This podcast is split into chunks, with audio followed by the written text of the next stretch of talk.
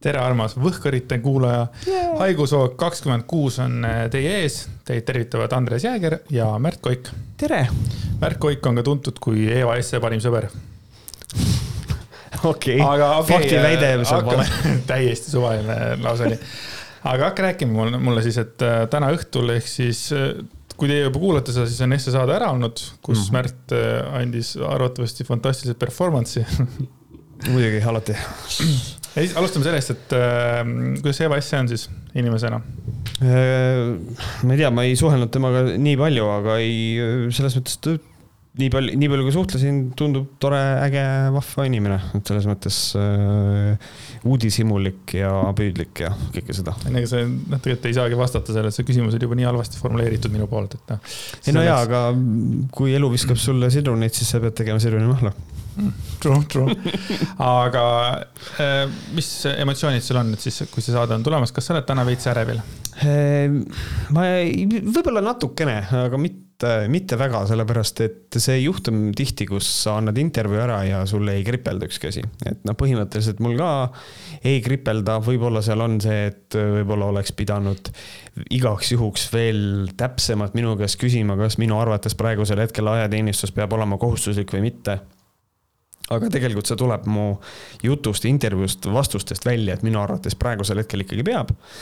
et äh, aga muidu ma olen üldiselt väga-väga rahul, et äh, sihuke, minu eesmärk on täna Äh, lihtsalt või siis noh, äh, kuulaja jaoks olen ma seda juba teinud, aga minu jaoks on oluline, et ma täna õhtul vaatan seda saadet, äh, kuulan, mida mina ütlesin, mida teised ütlesid ja siis võib-olla siis homses slaš kuulaja jaoks tänases striimis, mis on siis kell üheksateist null null rääkida, võib-olla täp-, vastata mingitesugustele täpsustavatele küsimustele, mis võib-olla on mõnel saatevaatajal tekkinud okei okay,, aga kui see paneel oli, siis kas paneel oli seekord inimesed, kes nagu äh, vaidlesid teineteisele vastu või oli lihtsalt äh, sihuke rahumeelne arutelu?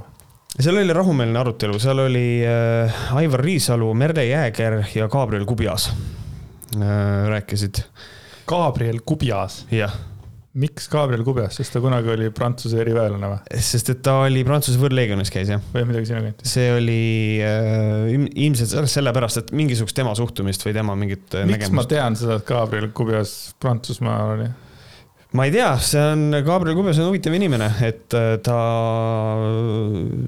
Esse saates ütles ka seda, et noh, et üks probleem tänapäeval on ikkagi see, et mehed vaatavad rohkem peeglisse kui naised, mis on minu arust äh, erakordselt irooniline, kui see töötab Gabriel Kubjas. jaa, täiesti uskumatu. kes ei tea, kes on Gabriel Kubjas, siis Farmi Gabriel. Äh, on Gabriel Kubjas ja, ja, ja, ja muuseas, mida ma ka ei teadnud, ma vaatasin pärast järgi, tuleb välja, et ta on tingimisi isegi vangi mõistetud vägistamise eest, et seda me ei teadnudki Gabriel Kubase kohta wow.. et sihuke huvitav. aga Eva Esse teadis või? ei, ma arvan, et Eva Esse teadis ikka, aga see, kuna ta on oma karistuse ära kandnud, siis, siis mis seal ikka. vahepeal on üllatavad need valikud, et selles mõttes Merle Jääger. Äh, Merle Jäägeril, noh, tal on see, et Merle Jääger on olnud äh, ise ajateenija mm.. ta on äh, olnud sõjaväelane, et selles mõttes sihuke hästi halvasti tunnen ennast, kui ma seda ütlen, aga ega ta väga sinna saatesse midagi sisukat ei lisanud, et äh, minu silmis, et Aivar Riisalu suudab äh,, Aivar Riisalu suudab väga hästi selle teemal rääkida ja tal on mõtteid, millega ma olen nõus ja mõtteid, millega ma ei ole absoluutselt nõus äh,. Kaarel Kubjasega täpselt samamoodi, et äh, ta, ta suudab mingi külje alt neid asju näha. mis mind üllatas kõige rohkem, oli see, et äh, hästi ebamugav on. Äh, me oleme seda siin, seda siin saates tegelikult ka nagu vist kunagi rääkinud, et hästi ebamugav on, kui mingi inimene, kes on sulle hästi antipaatne, ütleb midagi, millega sa oled sada protsenti nõus. ja siis äh, oli tehtud väikene klipp ühe, ühe sihukese, kes on käinud missioonil ja ütles seda, et talle see sõjaasi ei meeldi, tema leiab, et sellega võiks tegeleda inimesed, kes, keda see päriselt huvitab, ta ei ole ajateenistuse vastu ka mitte. Äh, kui inimesi huvitab, siis, siis minge, aga talle ei meeldi see idee, et me läheme välismaale sõdima, sellepärast et mingisugused riigid, ülikondades mehed otsustavad, et nüüd on sõda ja nüüd on aeg, et teie nagu riskite oma eluga. ja see on asi, millega ma olen sada protsenti nõus. Ja nüüd, kui sa küsid, et kes see oli, kes seda ütles, siis see oli üks inimene, kes on käinud missioonil ja võin öelda vihjeks, et teda kahtlustati ühes asjas, mis, mida ta tegi. Tal ei ole ühte jalga, ta jäi jalast ilma ja teda mm. kahtlustati kuse loopimises ja see on seesama, kes tegeleb selle armiloo asjaga. ehk siis see, kes William Kovaliga koos tegi selle äh, maskivastaste asja. et see on seesama mees ja ma tundsin seda hästi, hästi ebamugavalt, et noh, et taha olla selle inimesega nõus, aga olen mm. selle koha pealt ma olen mõelnud Andrei Vesterini puhul seda, et äh, kui ta on käinud Telegramis mitu korda rääkimas ja Hando Tõnumaa on ju see, kes ütleb, et äh, sõdades ei kasutata päris kuule ja see kõik on äh, nagu hõuks, see on ka teater. et kuidas nagu jala kaotanud äh, sõjamehena siis tema sellesse suhtub, et ma tahaks küsida ta käest kunagi seda. jah, võib-olla küll, see on. ma tahaks päriselt ta käest küsida, et, et, et kuigi ta Ando Tõnumaaga on väga lähedane vist. jah, jah.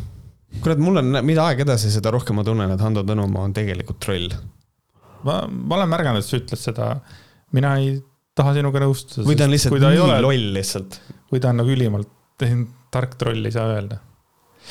aga anyways äh, alustame selle saatega ja nagu nüüd teemadega ja meie kirjakasti potsatas üks selline kiri, mis vajab kindlasti suuremat tähelepanu ja ma võtaksin selle kirja kohe täitsa algusesse. nii. Äh, tervist, sooviksin jääda anonüümseks. saab tehtud. kahjuks või õnneks narkootikumide tarvitamisel kellegi kooli jäämine on minu jaoks Audentese spordigümnaasiumis ennekuulmatu, kuid paljud, kes on alkoholi ning tubakat tarbinud, pääsevad vaid hoiatusega. isegi sellised sportlased, kes on olnud vigastatud pikemat aega, ehk siis sellel pole olnud seost nende sportlike tasemega. see mõte oli siis selle kohta, kui ma küsisin, et huvitav, kas kõige kõvemad vennad ka visatakse välja, mis mm -hmm. tähendab, et jah Äh, seoses teile saadetud kirjaga on Ristol õigus, et võistlushooajal kvalifitseerub kanep dopingu alla, kuid hooaja välisel ajal, mis tollel hetkel oli, ei ole selles probleemi, kuid kuna tegemist oli alaealiste sportlastega, siis on see igal juhul keelatud, mis toimus. kuna kõik sportlased, kes on seotud selle teemaga, olid enda spordiala parimad, lootsid kindlasti kõik, et ülestunistuses ja aususega, sest tegelikult keegi vahele ei jäänud, vaid oli kahtlus, on võimalik jääda kooli ning jätkata püüdlemist maailma parimate hulka. kahjuks päädis juhtum sportlastele sellega, et vaatamata nende tasemest parimate hulgast tuli jätta sport mitte täielikult, aga tipptasemel, kuna võimalused selleks kodu, kadusid tänu oma lollusele käest ära. parimate soovidega teid juba esimesest osast kuulanud fänn. ja nagu ma aru sain, siis Andreas luges selle kirja läbi ja otsustas, et you know what, we need to go deeper. ja tegelikult oli lausa niimoodi, et äh, oli jäetud telefoninumber et eh, kui teil rohkem küsimusi on, et siis eh, võtke minuga ühendust. aga ma mõtlesin, et ma panen eh, emaili teele. ja küsisin mõned küsimused ja sain selle kohta siis nagu veel, veel täiuslikuma kirja, ütleme vastu. et nagu, mis siis seal juhtus kaks tüdrukut, eh, kes olid toakaaslased, läksid omavahel tülli, kuna üks neist tegi oma boyfriendiga džonti. tüdruk mõistis muret ja lõpetasid džondi tegemise. siiski seesama toakaaslane, kellele see kanepi suitsetamine ei meeldinud, läks oma treeneri jutule ning ikkagi rääkis talle, kuidas ta toakaaslane ning tema sõbrad teevad kanepit nende toas. peagi saadeti Doneiu direktori jutule ning too ladus siis ülesse kõik nimed, keda on seal toas nähtud eh, kui savulõhna oli tuntud. ühel päeval kutsuti kõik neli direktori kabinetti ja siis niimoodi tunnistasidki mõned vennad ülesse. Äh, mõtlesid, et äkki ausalt rääkides, et jah, selline asi oli, aga see oli ühekordne juhus ja rohkem ei kavatse teha, siis saavad koolis jätkata. direktori vastus oli kindel ei. koolis mitte mingil juhul nendest neljast keegi jätkata ei saa, ükskõik kui tihti või kui harva nad seda ka ei teeks politseis narkotesti andes selgus, et äh, ühe venna test on negatiivne. peale pikki läbirääkimisi ja pingutusi lubas direktor ühel väljavisatul siiski järgmiseks aastaks kandideerida ning sel isegi alaliit oli nõus uuesti stipendiumiga toetama. siiski saatis Ilver emaili, et noh, tegelikult on kodukorras punkt, et mingite kindlate asjade eest välja visatud õpilane uuesti kooli ei saa. muide, on tõetatud fakt, kuidas direktor ise lisas selle reegli alles selle aasta märtsis lihtsalt selleks, et tema ei peaks sellega tegelema ning mingil juhul meediale aru andma, miks üks nendest õpilasest koolist tagasi on. samas niikaua kui Ilver on direktor, on tal tõesti õigus muuta, mida ja millal iganes ta tahab enda tahte järgi. So uh, long story short, esiteks noored läksid ja mõtlesid, et kui nad ausalt üles tunnistavad, jah, tõesti, tegime. et siis nendega kuidagi käitutakse võib-olla natukenegi leebemalt, antakse andeks, vastus on ei.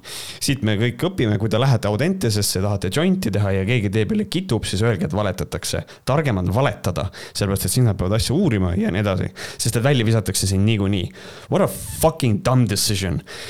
see selleks, aga Äh, mis mulle eriti vastumeelne on see, et äh, siis tuleb välja, et ühe, et ühe tüübi narkotest on negatiivne, ta tegelikult narkotsi tarvitanud, ta visati juba välja. ja siis äh, mugavalt on direktor teinud, kuna ta ei taha sellega tegeleda, et ei, sa ei saa kooli tagasi tulla, sellepärast et sa oled ühe korra välja visatud nendel ja nendel põhjustel, ehk siis inimene visati koolist välja, sest et ta oli samas ruumis vist ja kõik et see on minu arust. noh, ta siiski tunnistas ülesse, nagu ma aru saan, et neli vend, noh, siin tunnistati ülesse ja üks neist siiski noh, et narkotest ei näidanud, et midagi oleks tehtud. et äh, mis on, mis, mis, mis on ka kummaline, et ma ei tea, äh, aga noh, ühesõnaga, et, et, et siis inimesed, et te teaksite seda, et kui te tahate Audentesesse minna, siis koolidirektor võib tegeleb sihukeste asjadega ka, et see on nagu natukene nõme. et nagu ma su-, ma suudan, ma suudan vastu võtta seda mõtet küll, et noh, nad on teinud lepingud ja kõik see, jah. aga kui meil toimub sihukene lepingute, või mitte lepingute, vaid äh, selliste reeglite lisamine enda mugavuse tegemiseks, siis fuck that. see on nagu nõme mm,. jah, vaata, aga kes kirja täitsa alguses ikkagi ta mainis ka seda, et paljud, kes on alkoholi ning tubakat tarbinud, pääsevad vaid hoiatusega mm. -hmm et noh no,, see ei ole et, nii. et, et siis tuleb, siis tuleb. nulltolerants on just, siis. et siis on Ilveri jutus nagu ka nagu suur kala on sees, et ei ole nulltolerants, et, et, et, et noh, jah, et ongi nii, et kui, kui on nagu lepingule kirjutatud alla ja ongi nulltolerants täie pasaga, et siis noh, okei okay Mm -hmm. aga kui tuleb välja tegelikult, et siin on, on ka hoiatusega inimesi ja nüüd siis äh, ma ei tea, test ei näita, et midagi tehtud on.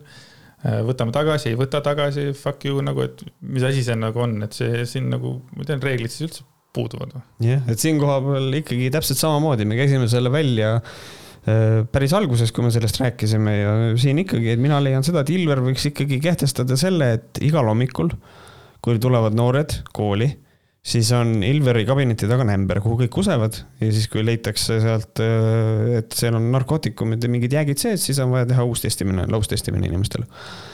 Aa, sa lausa mõtlesid nagu terve ämber, kuhu kõik kuseb, ma, mõtlesin, et ikkagi igaüks läheb, käib, kuseb eraldi topsiga. no see võib-olla oleks see nagu lihtsam, aga minu arust nagu sümbooliliselt, nagu sümboolselt oleks ägedam, et lihtsalt käid, äh, kused direktori ukse kõrval ämbrisse, siis tehakse, no nagu vaata neid äh, koroonateste tehti niimoodi, et pannakse kõik testid kokku, siis leitakse, et seal on positiivne, siis testitakse neid inimesi nagu, kes seal Äh, testis osalesid nagu eraldi uuesti, vahepeal tehti niimoodi, sest et see on, äh, see hoiab nagu kokku vist.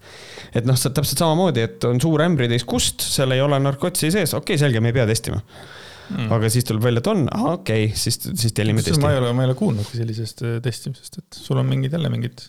mul on, mul, mul on palju häid mõtteid, Andres ah.. ma tahan oma riiki ka teha varsti ilmselt. Märtland.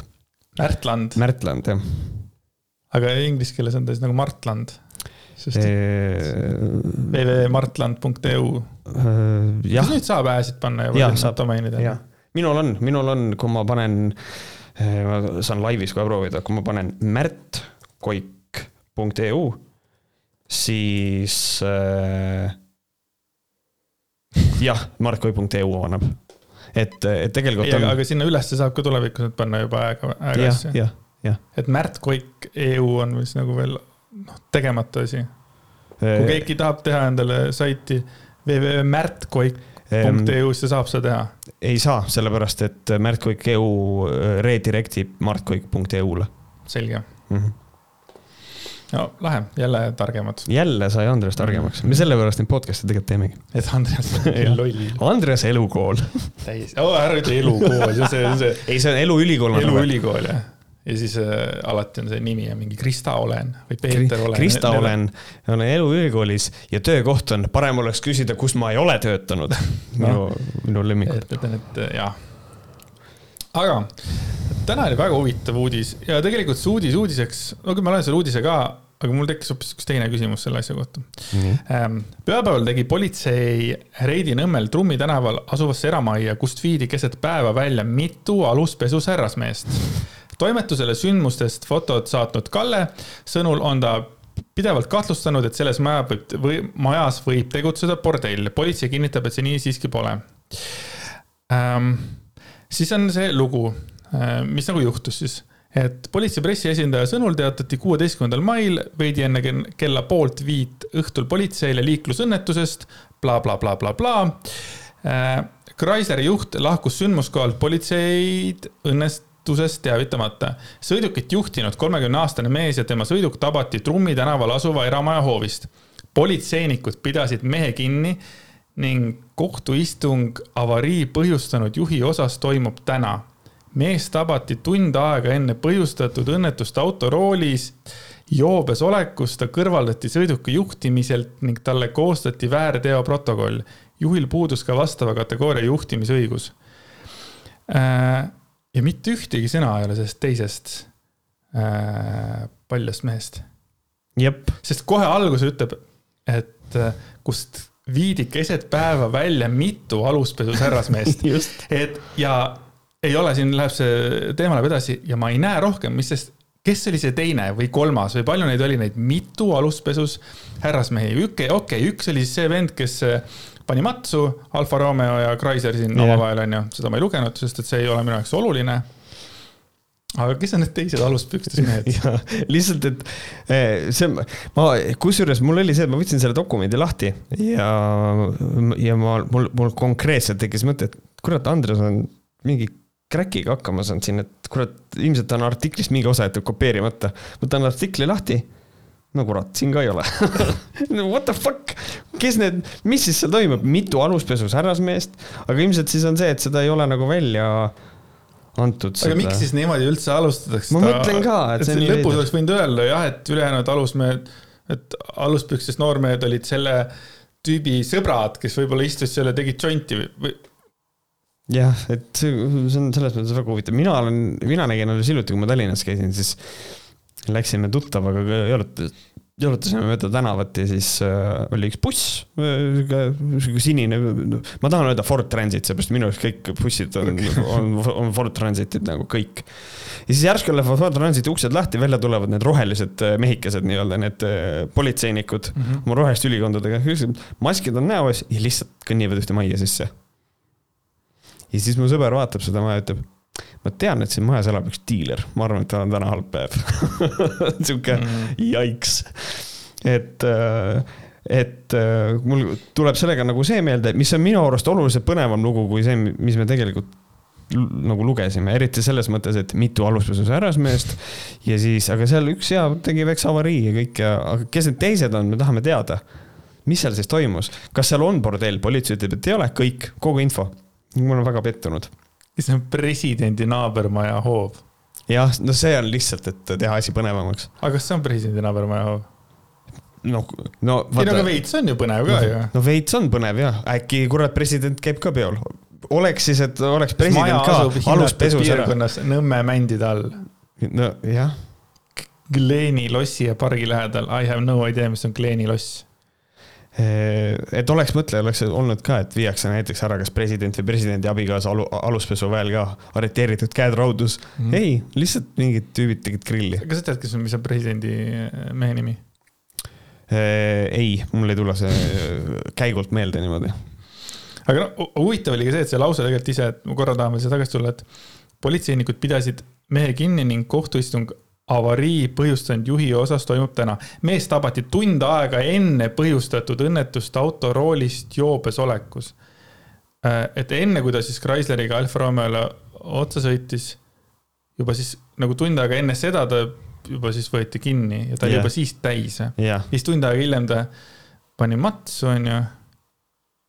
ja siis ta oli aluspükste peal okei okay.. see on, see on huvitav, siukene põnev lugu, me lihtsalt vahepeal tahame võtta mingi, mõne teema, mis ei oleks sügavalt poliitiline, siis lihtsalt räägime aluspükstes meestest. jaa, ei vahva, aga võtame nüüd siis meie põhi, põhifookuse. rääkides meestest, kes on aluspükstes, äh, kusjuures enne kui me selle peale läheme, siis äh, Tuuli Roosma mees, niisugune sari. Have seal... you ever watched this? Äh, olen, olen, olen vaadanud ja siis seal minu arust, kas nüüd viimases episoodis või kuskil, igal, igal juhul Youtube'is on klipp, võib-olla see on tehtud eraldi sinna juurde, aga Arvo Tammiksaar siis on, kes ei tea, siis on Tuuli Roosma mees Arvo Tammiksaar on muru peal pikali ja üritab puhata, aga ei saa, sest et naaber äh, hakkab mootorsaega järsku puid maha võtma kuskil, käib, no ei lase. siis ta läheb naabrile hoovi, küsib, et kuule, mida sa teed, mida sa saed siin kogu aeg? Ja lo and behold, see on Jüri Ratas, kes nagu meemib iseennast, et ta teeb puid Tuuli Roosma mehes ja see on täiesti vapustav huumor ja see on. aa, et ta teeb nagu. ja ise mängib seda rolli et ongi, tal on seal tunked ja siis tal on mootorsaag, kas ma saan teid kuidagi aidata, lihtsalt, see on, see on, see on. aga see on arvatavasti siis enne tehtud, kui see, need pildid tulid, jah? ma ei usu, ma ei usu, mul on selline tunne, et Tuuli Roosma meest on tehtud suhteliselt äh, vahetult enne eetrit. Sellepärast, et nad on, ma olen mõne koha peal nagu tabanud seda, et nad on ikkagi üsna päevakajalised et ma arvan, et nad teevad seda mingisuguse, mingisuguse paarinädalase nihkega ja ma arvan, et see asi käib neil niimoodi. aga see oli nagu okay., ma vaatasin täitsa perses nagu päriselt, tegid siukse asja, et ei, tore oli, tore oli, aga kuna me Jüri Ratasest räägime, siis lähme äh, nüüd see Andres on pannud siia selle pealkirja, aga ma arvan, et tal ei ole raha, et seda kohtu case'i kinni maksta, nii et äh, ühesõnaga, et, äh, et Jüri Ratas on ikkagi siis natukene sihuke pätt meil, tuli välja. ehk siis äh, tuli siis välja üks artikkel, mis rääkis sellega, mismoodi Jüri Ratas siis nii-öelda kulutab, kulutab rahva raha ja otse loomulikult on selle taga, selle artikli taga siis ähm, üks meie uuriva ajakirjanduse raudvaradest ähm, Varro Vooglaiu suur vihavaenlane Holger Roonemaa, kes on siis välja uurinud selle äh, erinevate teabenõuete kaudu, et äh, igasugused visiidid, äh, mida on teinud meie kallis peaminister omal ajal, Jüri Ratas, on ilgelt palju klotsi pannud sinna alla nagu räigelt. Äh, isegi läheks nii kaugele, et tahaks nagu, Jüri, mida sa teed, küsida.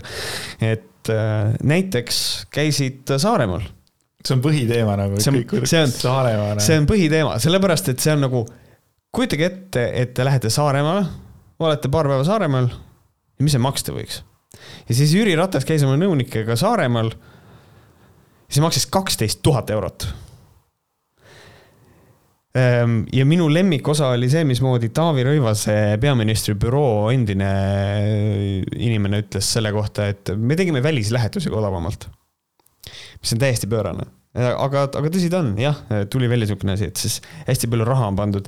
siis on, kui Jüri Ratas, mulle meeldis see ka, kui Jüri Ratas on näiteks Hiiumaal käinud, kus tal on suvila, siis millegipärast on äh, pandud siis nende esinduskuludesse grillvorste ja ketšupit ja mahla ja natuke õlut ja kõike ja siis, kui küsitakse, et noh, et Hiiumaal kohtusid, pidid nad kohtuma mingite kindlate inimestega, siis kui Olger Roonemaa esitas lihtsa küsimuse, et kas teil oli mingi grillõhtu, siis vastus oli ei. Ja siis ongi nagu see, et kas see võib võimalik olla, et Jüri Ratas lihtsalt ongi esinduskuludesse pannud oma väikse grilliõhtu, mida ta tahab teha iseseisvalt.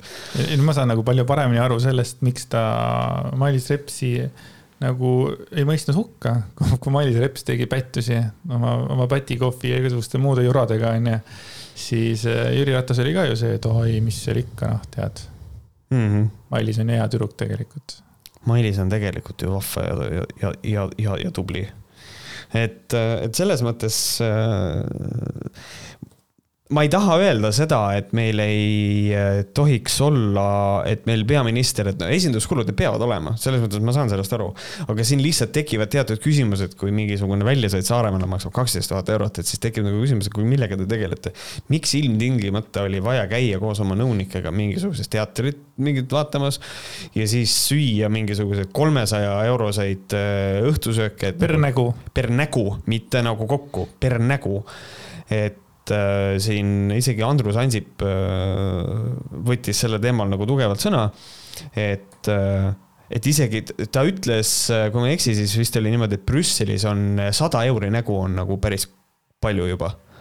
et, äh, et noh, kui see nüüd tõele vastab, sellepärast et ma olen üsna skeptiline poiss alati olnud et kui see vastab tõele, siis nagu tekib küll küsimus, et, et miks on vaja nii palju raha parseldada ja Jüri Ratase vastus ka mulle ei meeldi, et noh, esinduskulud ja mul on alati, ma olen peaminister kakskümmend neli seitse mm.. et see on sellepärast. ma käin siis, kui ma vahepeal olen sattunud perega niimoodi ilusal päeval, lähen hommikusööki sööma. näiteks Google'i kohvikusse, ma ei tea, Reva kafeesse lähen, söön seal, kõik söövad mingit päris toitu, võtame mingi koogi peale mm., mellule putru, midagi värk-särki, siis noh, no maks kolmkümmend kolme peale yeah.. ja, ja see on ka tegelikult palju nagu ma ise nagu tunnen, et, et oleks saanud tegelikult paremini, aga no ikkagi noh, pühapäeva hommik ja noh, võib-olla natuke laristame, võtame kooki ka aga see on ikka päris haige, et eh, mida, mida, mida vittu tuleb kolmesaja euro eest süüa siis mm? -hmm. et noh, et siin äh, Nad kasutasid, nad sõitsid seal veel mingisuguse siukse kalli mingi laevakesega, onju. Mis on see, see purjelaev äh, Hopet. siis nad selle rentisid ja siis nad sõid Hopeti peal ka minu arust. mis maksis kaks tuhat nelisada eurot mm. -hmm. et et, äh, et see on üsna crazy. pluss siis tuli sealt veel välja igasuguseid asju, et küll on äh, joogid autosse, kus on vaja džinn ja toonik ja mingid siuksed asjad, et, et noh, mõnes mõttes jällegi ma ütlen seda, et esinduskulud peavad eksisteerima, ma olen sellega sada protsenti nõus, aga mina leian, et see ei ole õige kui makstakse kinni mingeid asju, mida võiks Jüri Ratas ise oma, omast taskust kinni maksta, näiteks see, et noh, et selles mõttes palk on neil arvestatav ikkagi Eh, peaministrina ka, et nagu äkki sa ostad oma grillasjad ise, noh, kallis inimene, palun.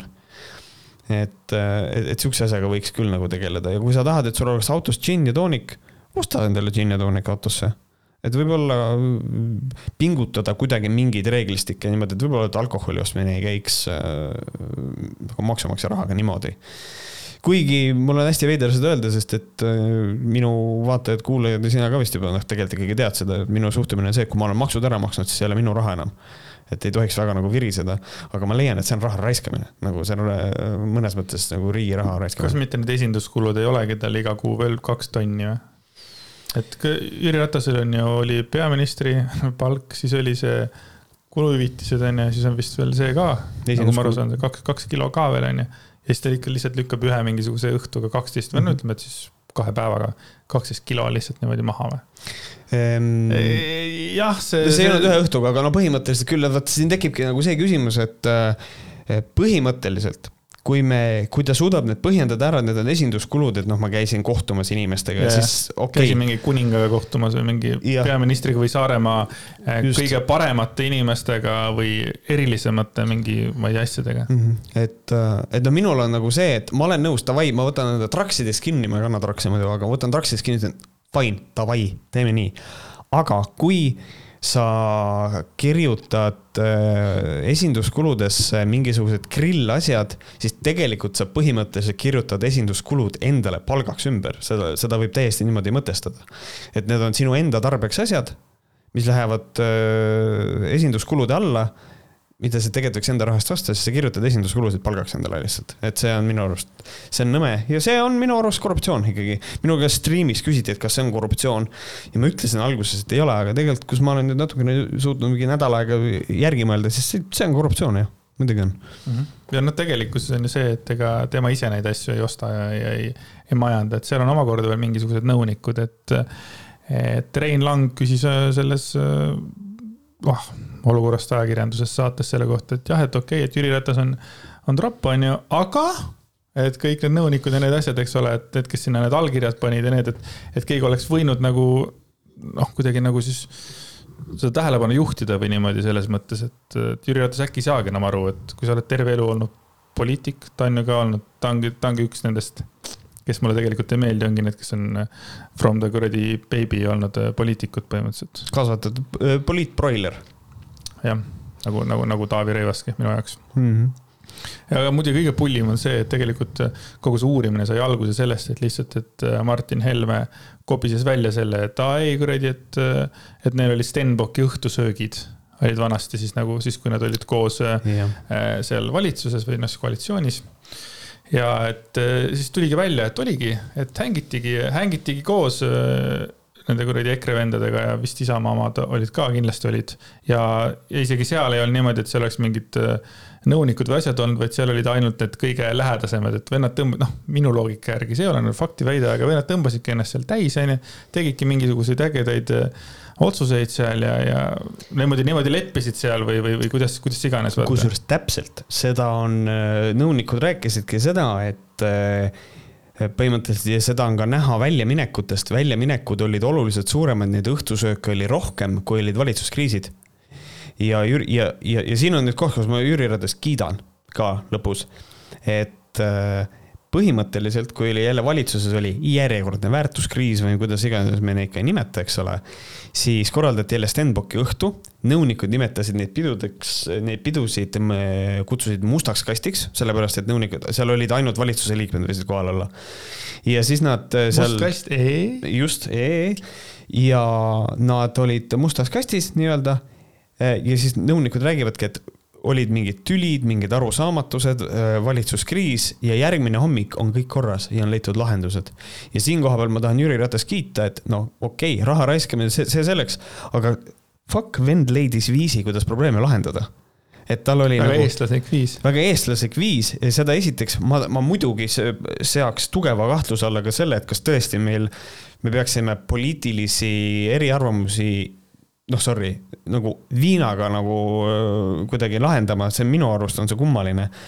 aga, aga, aga raisk, aga et ta selle ära tegi, see on minu arust mõneti on see imetlusväärne ja, aga seal oli veel, oli veel palju erinevaid asju, et alustades sellest, isegi need tordid, mis ta Helmetele saatis ja, ja kõik on, kõik on nagu selles mõttes rahva raha eest, eks ole yeah,. mitte yeah. nagu oma taskust, et nagu arstide juures käimised ja, ja siis, kui ta kingitusi saatis inimestele, siis need olid enamasti alati Keskerakonna poliitikud, kes said mingisuguseid kingitusi, eks ole mm., Savi, Savi Pätsi, kes need said neid kingitusi mul operatsiooni kinnimaksmisega mul ei ole probleemi, et uh, sure, ma olen sellega nõus, et las seda võib uh,, see on meie poliitik, we, we need him alive, mul ei ole selle vastu nagu midagi. aga mulle meeldis jälle see, kus uh, ma isegi ei mäleta, kes see ütles, et aga siin tekib küsimus, et kelle kõhtu nüüd lõigati, kas nagu siis uh, Jüri Ratase või Eesti riigi, et või noh, see Eesti ja, rahva, et selles mõttes, et ikkagi Jüri Ratas, et need, need noh, ega Roonemaa näitas ka tegelikult need kõik nagu väikesed asjad, eks ole, aga kokku see teeb siukese mm, -hmm.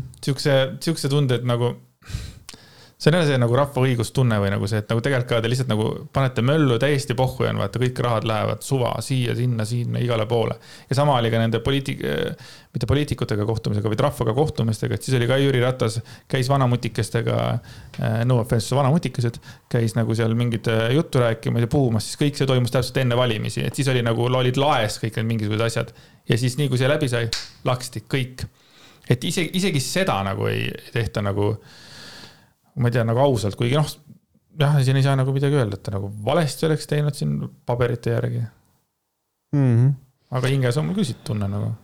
mul on väga hea meel, et Ronemaa võttis sellise niinimetatud väikse asja ja tegi sellest nagu päris suure asja, sest et jah jah, sellepärast, et siin ikkagi on minu arust siiamaani on äh, Jüri Ratas on nüüd käinud isegi kohtumas juba inimestega, et seda asja nagu uuritakse ja vaadatakse. ja tegelikult ma leian seda, et see artikkel aitab väga palju kaasa nüüd meie edasisele poliitkliimale ka, mitte poliitkliimale, aga sellisele. ma arvan, et meie järgmised peaministrid vast niimoodi ei tee enam, vaid äh, ajavad vähemalt mingi aeg nagu näpuga järgi, et nagu mis asi. aga oli siit... vaja siis seda venda niimoodi, sest eelmised ka ei teinud et see, see, see nagu no, ütleb jah. praegu, et näed, et nüüd, tänu sellele äkki enam ei tee, aga keegi varem vist vähemalt ei ole välja tulnud, äkki tegid, äkki need on kõik tõprad, onju. aga vähemalt ei mm -hmm. ole nagu mhm. välja tulnud, et oleks teinud, onju. ja, aga no ikkagi see on äh, hea, et see ei jäänud nagu, nagu saladuse alla. et see on, et see mõnes mõttes on, on, on see nagu naljakas, et kui nad sõitsid Virts, äh, Virtsust Kuivastusse, eks ole, siis nad ostsid endale laevapiletid, eks ole, ja see laevapilet maksis kokku riigi rahakotile siis nii-öelda äh, viiskümmend viis euri põhimõtteliselt nii, mis on täiesti arusaadav. ja siis nad on Pädaste mõisas neli inimest, söövad seal õhtust ja see arve on tuhat kakssada kaheksakümmend euri.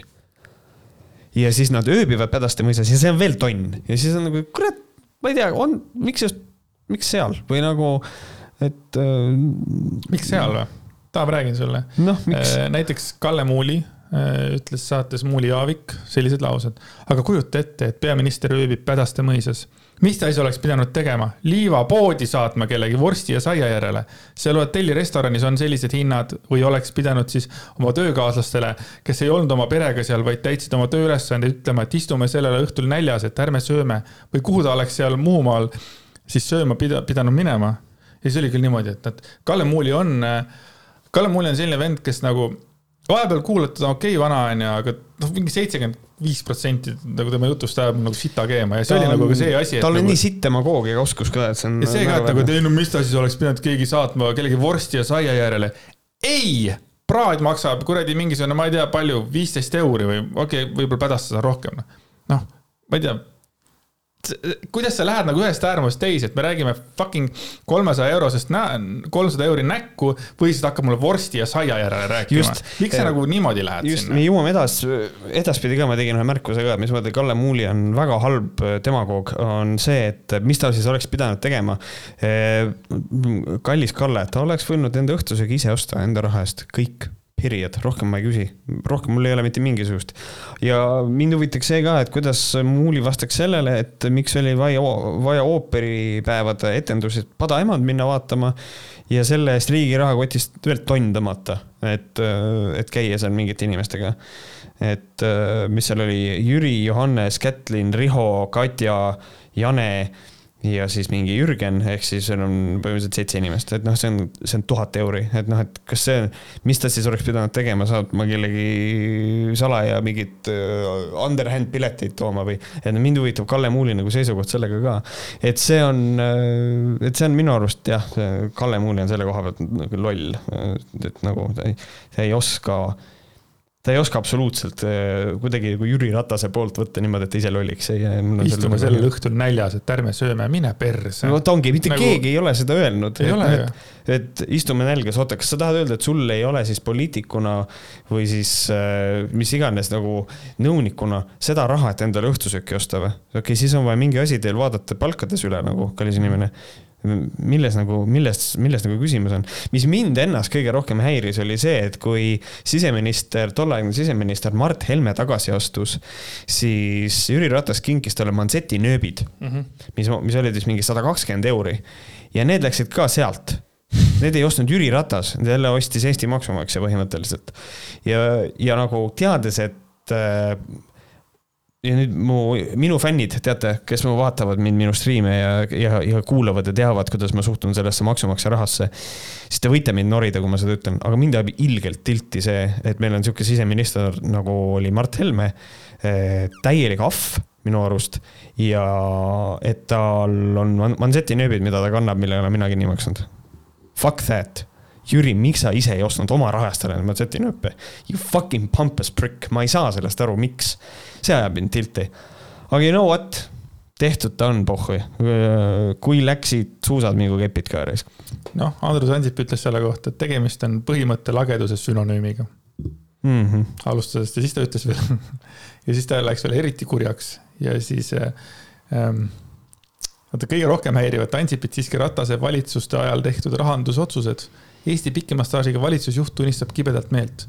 kui keegi lammutab seda, mida mina olen üles ehitanud eurosaadik ei hoia end tagasi, kui räägib headel aegadel riigireservide kulutamisest.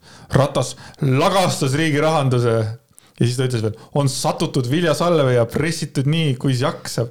Et nagu Ansip on kõva. Ansip, Ansip otsustas ikkagi kasutada võimalust, noh, et ta on ikkagi poliitik, et. on satutud viljasalved. ütle välja siis nagu, mis öelda jah, just, et see on, see on nagu naljakas. ma, mis, mis kusjuures siin mul jäi praegu silma, et see, mis Muuli Aaviku saates, Aavik ütles niimoodi, et natuke tagasihoidlikumalt käituma selles restoranis või siis maksma seda ise, sest lõppude lõpuks on ju tegemist ju inimesega, kes saab veel eraldi tasu esinduskuludeks, selleks see ongi. ja Muuli ütles selle peale, et kõige mõistlikum oleks see, kui kulude kokkuhoiuks peaminister üldse ei lähegi visiidile. ja nüüd on küll järjekordselt, mine putsi, millest sa räägid? Et nagu, eh, et, et see on erakordselt sitt demagoogia, ehk siis kui et-, kui meie ettepanek on see, et hoiame riigi raha kokku eh, välisvisiitidel või, või mis tahes visiitidel, et hoiame riigi raha kokku niimoodi, et selliste asjadest maksab peaminister ise ja siis Muuli võtab kinni ainult sellest kokkuhoidmise osast ja siis ütleb, no aga siis hoiame niimoodi kokku, et ei käigi visiidil. mitte keegi ei räägi sellest, sa aru lage vanamees. me räägime sellest, et maksa arved ise ära, mitte maksumaksja raha eest. ja tei-, ja teisest küljest ma loodan, et Kalle Muuli saab nagu aru seda, et kui ta sellist asja ütleb, et nagu kallis inimene, neid visiite ei saa ära jätta see on poli-, see on poliitikule, see on täiesti, täiesti absurdne ettepak-, nagu, nagu ettepanek. jätame siis need asjad üldse ära. äkki Isamaa on kuidagi praegu midagi Keskerakonnaga vajavad mingisugust asja, vaata, varsti lähevad koalitsiooni, vaata. ma ei tea, neil on ilm, ilms-, ilmselt on vaja simpida neid äh, kuradi, äh, kuradi keski praegu, sellepärast et äh, kõik on omavahel nii õudselt tülised, võib-olla küll jah, et Isamaa üritab lihtsalt kõigiga sõber olla samal ajal ja siis veel äh, Ansipil on sihuke lause ka, et ähm, või noh, ta, ta arvab, ta leiab, et Eestis toimub kaugenemine põhjamaisest askeetlikust valitsemisstiilist. Rootsi välisminister Mona Salin pidi omal ajal tagasi astuma, sest ostis riigi krediitkaardiga Toblerone šokolaadi ja sukkpüksid. kusjuures, kui ma loen lause, sõnapaari riigi krediitkaart, siis kas sa kujutad ette, et sa leiad tänavalt, no lihtsalt Äh, on, on kaart, keegi on kuskilt rahakotist välja kukkunud, sa vaatad, kelle oma, Eesti Vabariik. What the fuck? Et, äh, et. riigi krediitkaart kõlab ikka väga vahvalt jah, aga see võib tekitada küll tunde, et türa, ma olengi raisk ma olen kõige tähtsam mees. jah, et mingisuguse, mingisuguse ministeeriumi. kahju, et Jüri Ratas niimoodi jälle nagu siin ulakusi teeb ja, ja just seda, just eelmine saade, no ma esimest korda või teist korda vist äkki Võhkrite ajaloos ütlesin talle, et noh, et ma kuidagi olen, et Jüri Ratas enam ei ole enam minu jaoks nagu nii nõmik, vaata mm. ja mhm. siis laks tuli see peale, miks mul oli vaja seda eelmine saade öelda, vaata ta ju kuidagi natuke suutis juba nagu normaalne olla. praegu Jüri Ratas kuulab seda episoodi, pisar on silmas I almost had him. ja, jah. ma üldse imestaks, kui, kui keegi kuulab mingi Jüri Ratase Heigi Võhkarit, seepärast Võhkarit kuulavad kõik et aga mis, mida ütles Ansip veel oli tore, et minu ajal olid autos ka joogid, aga ainult vesi ja Coca-Cola. esiteks Coca-Cola on rõve äh,, aga, aga, aga, aga davai. aga see, see on nüüd see koht, kus kohas mina ütlen Ansipile, tõesta seda mulle palun, tõesta. sa ei pea tõestama, tema ütleb, mida tema tahab praegu tõenäoliselt. saab nagu ära surata sellele Ratasele. aga Kaja Kallase seda kommentaari ma ei ole kuulnud hetkel. või sa oled märganud kuskil? ma ei ole isegi mitte otsinud, et ma ei ole pidanud seda oluliseks. las Kaja Kallast olla peaminister ja tegeleb tähtsamate asjadega praegu. sa arvad, et temal ei ole vajadust siis enda seltsilise eest vabandada? Nagu tema seltsiline tegi mõned kuud tagasi iga päev. ja ei, ma arvan, et Kaja Kallas on see peaminister, kes ütleb, et kuule, kui sa sita kokku keerad, vabanda ise. You pump as fuck. aga nüüd ta ei vabanda. nüüd ta ei vabanda, jah. saad aru, see ongi kõige naljakam, et Jüri Ratas varem oli niimoodi, Mart Helme tegi mingit, mängis mingit troppi jälle, siis oh, vabandame ja kõik. ja nüüd on mingisugune suure sitaga hakkama saanud nüüd on nothing, nüüd ei no kuradi, see on. ei no jaa, aga ta oli kakskümmend neli seitse peaminister ja kõik tema kulud on. minister jah. et äh,. tea aga, aga jah, ühesõnaga, et äh, Ansip siis veel mainib seda, et noh, et ikkagi kolmsada kakskümmend eurot inimese kohta kulutada on hullumaja, et Brüsselis on sada eurot õhtusöögi kohta ab absurdselt suur juba, et ühesõnaga, mul on, äh, mulle meeldib see ka, mis ta ütles, et, et see äh, Mona Salim pidi tagasi astuma, sest ta ostis riigi krediitkaardiga Toblerone šokolaadi ja sukkpüksid kas teil nii selgelt on meeles, et see oli Toblerone šokolaad, see mulle meeldib mm.. ja see oli Toblerone kindlasti, see ei olnud Milka, see ei olnud Marabou, see oli Toblerone. kuna sa niimoodi Tobleronet sõid äh,? hästi äh,, see vist on unpopular opinion, minu arust Toblerone šokolaad on hästi halb äh,. ma isegi ei mäleta selle maitset selles mõttes mul, noh, palju õnne, see on hea, aga mitu-mitu-mitu aastat tagasi, sest ma vaatasin, oo, Toblerone ei ole kaua aega ostnud, siis ma tegin seda pakki lahti ja siis ma saan aru, et seal on nüüd vähem šokolaadi kui kunagi. kui kunagi varem ja siis mul oli, et aa, ma sellepärast ei olegi seda söönud, et see ei ole hea. aga kui sulle, kallis kuulaja, maitseb Toblerone, siis more power to you, et maitsed ongi erinevad. True. Igatahes äh, mina annan viimase nädala vakstupea tiitli Jüri Ratasele. Just, et, äh, et lihtsalt don't do this. Äh, loodan, või teine võimalus on see, et aga äkki Kaja Kallas ei ole selle peale äh, midagi öelnud, et äh, et tal on praegu, ta on ülimalt ametis sellega, et leidke kõik tšekid ja kõik paberiunti Please, we need to handle this. aga, aga ei tea, vaatab, et ühesõnaga lõpetuseks ütlen kolmandat korda, esinduskulud on põhjendatud asjad, neid on vaja, ma olen sellega sada protsenti nõus, aga ma mitte kui sa oled seitsme oma sõbraga lihtsalt hängima. ja, aga see, et sa käia Saaremaal kaheteist tuhande euro eest, kui ma ei tea, tavainimene saab nelja tuhande euroga käia ära Los Angeleses ja Californias, siis mul tekib küsimus, et millega me tegeleme. minu arust on see veider. aga sul siiamaani, nojah, sa ei ole saanud minna, on ju? ma ei ole saanud minna, ma võtsin äh, oma reisi, selle summa isegi reisibüroost välja, et, et me ei lähe. et said raha tagasi ja,? jah, jah meil läks hästi. nüüd on äh, koroonaaeg, raha on kõik kulunud ja nii palju siis Ameerikast, on ju. jah, nii palju siis Ameerikast, aga samal ajal üüriratas käis Saaremaal kaheteistkümne tuhande euro eest, nii et. väga lahe. mul on järgmine probleem, mul on probleem selle järgmise kirjaga. sest siin on, vahepeal on äh, sulgudes näiteks hinga Andreas et ma nüüd ei, siis on veel hinga, et ma ei tea, kas mina peaks selle ette lugema või? või on see, et, või on see, et mina loen ja sina hingad, kui sa pead? tohib, teeme niimoodi ehk siis. see see, see, see kiri on vormistatud niimoodi, et meil on osad sõnad on kandilistes sulgudes, mida me ei tohi ette lugeda, sest et kirja kirjutajale ei ole võtta sada nelikümmend tuhat eurot, et maksta kohtukulusid äh, ja siis alustab siis puudutades ilmselt Robert Sarve. ma saan aru, et äh, Robert on endale niši leidnud. hea nišš on teadagi edu võtmeks. ega asjata pole USA-s levinud ambulance chaser advokaadid, kes kiirtoidurestosid kuuma kohvi eest kohtusse kaebavad.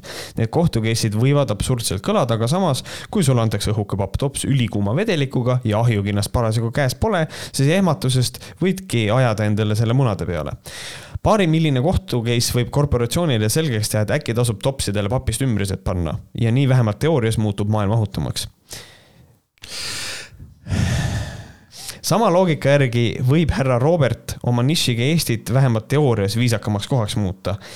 või siis härra Alari või äh, tõi sellega hoopis esile Barbara Streisandi efekti ja kes see ja kas see silmakirjalik pole, kaevata kohtusse sõnakasutuse eest, nagu ma aru saan, kui kui nagu aru saan, oli selle vastus tema enda ebaviisakale väljaütlemisele, et siin ma jätan korra selle kirja pooleli, ütlen seda, et selle kohtu case'i iva ongi tegelikult Alari Kivisaarega selles, et et tema enda arvates ei ole öelnud äh, mitte midagi ebaviisakat, äh, ta ei ole öelnud midagi valesti, ehk siis äh, sa ei saa siin rõhuda sellele, et ta ütles ise midagi ebaviisakat, et nagu tema ise seda ei tunne ja eks ta sellepärast põhimõtteliselt kohtu case'is ongi.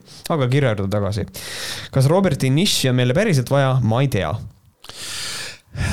ja mina nüüd loen siis kirglikumalt, nii on meil ette öeldud küll aga ma väga soovin, et tekiks advokaat, kes spetsialiseeruks Covidiootide MMS-i müüjate ja muude tõnumaalaste kohtusse kaebamisele. see inimene muudaks maailma reaalselt paremaks. äkki siis poleks Telegramil nii uhket kontorit kesklinnas ja kahjulikuks idioodiks olemine poleks enam nii tulus ja populaarne hobi olen kindel, et ühisrahastusega annetaks paljud, et silajud natukenegi vähem lolluse mürki levitaksid By the way, Covidiotidele meeldib ka viisakuse taha peituda. ma võin ju viisakam olla, aga see ei muuda fakti, et sa, härra koroonaeitaja, oled idioot. Postscriptum. ohtliku manöövri eest peaks Kravtšenko minu meelest lubadest ilma jääma, kuna tegu on liiklusohutusreeglite räige eiramisega. vahet pole, kas debiilikust ohver jätab kaebuse esitamata või simuleerib oma vigastusi. mis siis, kui jalg oleks pidurist mööda libisenud? idiootidele oleks nüüd märter. parimat, Oleg ma mõtlen, et kas see on see Oleg, kellega ma koos aega teenisin või mitte. Ehm, aga igal juhul mm, kiri oli siis selline. Äh, kõik, keda siin nüüd debiilikuteks nimetati, te teate, et seda, seda ei teinud mina, see oli, see, see oli kiri et siin mõnes mõttes äh, ma olen nagu nõus selle Kravtšenko asjaga väga palju, et äh, või noh, ma lihtsalt olen mõistnud Kravtšenkot vist nüüd hukka mingi viis korda juba, et see on kõigile üsna selge, et ära sõida inimesele autoga otsa Äh, et äh, ma ei tea ja Andres hingas sügavalt sisse nendes kohtades, kus ta pidi, äh, kirjas on ette öeldud. siis ma lihtsalt mõtlesin, et laseks tal ikkagi päriselt hingata. aga aitäh Oleg kirja eest. suured tänud, palju häid mõtteid palju häid mõtteid, palju asju, millega võib-olla tahaks natukene norida, võib-olla sellega, et võib-olla kõiki vandenõuteoreetikuid ei tohiks kohe hakata debiilideks tembeldama, aga, aga. aga tõnumaalane võib öelda. aga tõnumaalane võib, noh, et võib-olla ei tohi ka, ma ei tea. aga äh,. miks ei tohi, Kris Kalaga jääb kohtusse? Kris Kalaga peab kohtusse, jah räägime Sass Ennast. räägime Sass Ennast ehm, see on, see on kuidagi nii veider, ma olen hästi, hästi šokeeritud. kas sa mäletad seda, millest see asi alguse sai? Räägi see, mis, mis, mis alguses juhtus? Äh, russofoobi teema. see sai alguse sellest, et äh, oli üheksas mai ja siis äh, Sass Enno postitas Twitterisse suhteliselt russofoobse ähm, siukse tweet'i, kus kohas ta siis avaldas kahetsust, et tema esivanemad ma pärast äh, lähen kuulan selle Patreoni viimase haigusoo üle ja vaatan, kas sa haigutasid täpselt samal minutil. mul on tunne, et see oli kuskil seal. ma teen kella järgist mul on tunne, et see oli seal kuskil, kuskil seal. aga ühesõnaga, et äh, Sass äh, tegi veits russofoobiat jah, et ta kirjutas, et kahju, et tema vana, tema eelkäijad või esivanemad ei nottinud siis nende venelaste esivanemaid rohkem maha. põhimõtteliselt andis nagu sellist asja mõista mis on minu arvates täiesti, täiesti pöörane, aga see asi võttis tuure juurde siis, kui ta käskis äh, ühel hetkel kõikidel vägistajatel minna endale köit ostma, et nad ennast ära pooksid. ma ei tea, kas ta seda poomisjuttu ta vist isegi ise ei öelnud. aga siis talle Twitteris keegi vastas, tõstatas nagu küsimuse, et kas enesetapu õhutamine on tegelikult nagu õige asi, mida teha, mis on minu arust väga õige mm, nagu püstitus selles mõttes. mille peale vastas Sass Enno, et äh, türa, kust sa vägistajaid kaitsev limukas veel välja roomasid. ja siis inimesed kuidagi selle peale nagu, et nagu mis sul viga on, et nagu selles mõttes sa ei saa välja kutsuda nagu sa ei saa nüüd hakata siis lahmima niimoodi ja siis Sass Enno hakkas räigelt loopima igasuguseid solvanguid ja, sest et Sass Ennol on alati õigus, isegi siis, kui ta eksib ja see asi kuidagi eskaleerus niimoodi, et siis äh, nüüd juba ähvardab äh, Sass ähvardab inimesi lausa kohtuga, et on tema kohta valeinfot levitatud. ja, et siis Johanna Juuse on viieteistkümnendal mail Elu24-s sellest pikemalt kirjutanud ja ma nüüd refereeringi mõned asjad sealt äh, artiklist siis. et see algas siis sellega, et kolmapäeval võttis sõna Ade, kes esineb Twitteris konto all peavalu vol kaks neiu sõnul olid temani jõudnud jutud mitmelt tüdrukult, kel on kolmekümne kaheksa aastase Hennoga varasem kokkupuude. ta siis oli säutsunud. kõik need tüdrukud polnud täisealised, sa ajasid samasugust pervo juttu ka neljateist kuni kuueteistaastastele tüdrukutele. Äh, Ade väitel on seksuaalvägivalla vastu võitlev Henno ise see, kelle eest lapsi kaitsma peaks. ei ole okei kolmeteist kuni neljateistaastaste kehasid objektistada ei privaatselt ega sotsiaalmeedia kaudu, olles ise piisavalt vana, et nende isa olla jah, et siis ühesõnaga siinkohal vist on ka paslik meelde tuletada, et äh, sellist, see neliteist ei ole okei okay ja kõik see, et see on ikkagi asi, millele ka Sasseno ikkagi tugevalt on ka äh, ikkagi seda propageerinud, et äh, laste seksualiseerimine on nõme, aga siis on nüüd süüdistused, nagu Sass on seda ise ka teinud.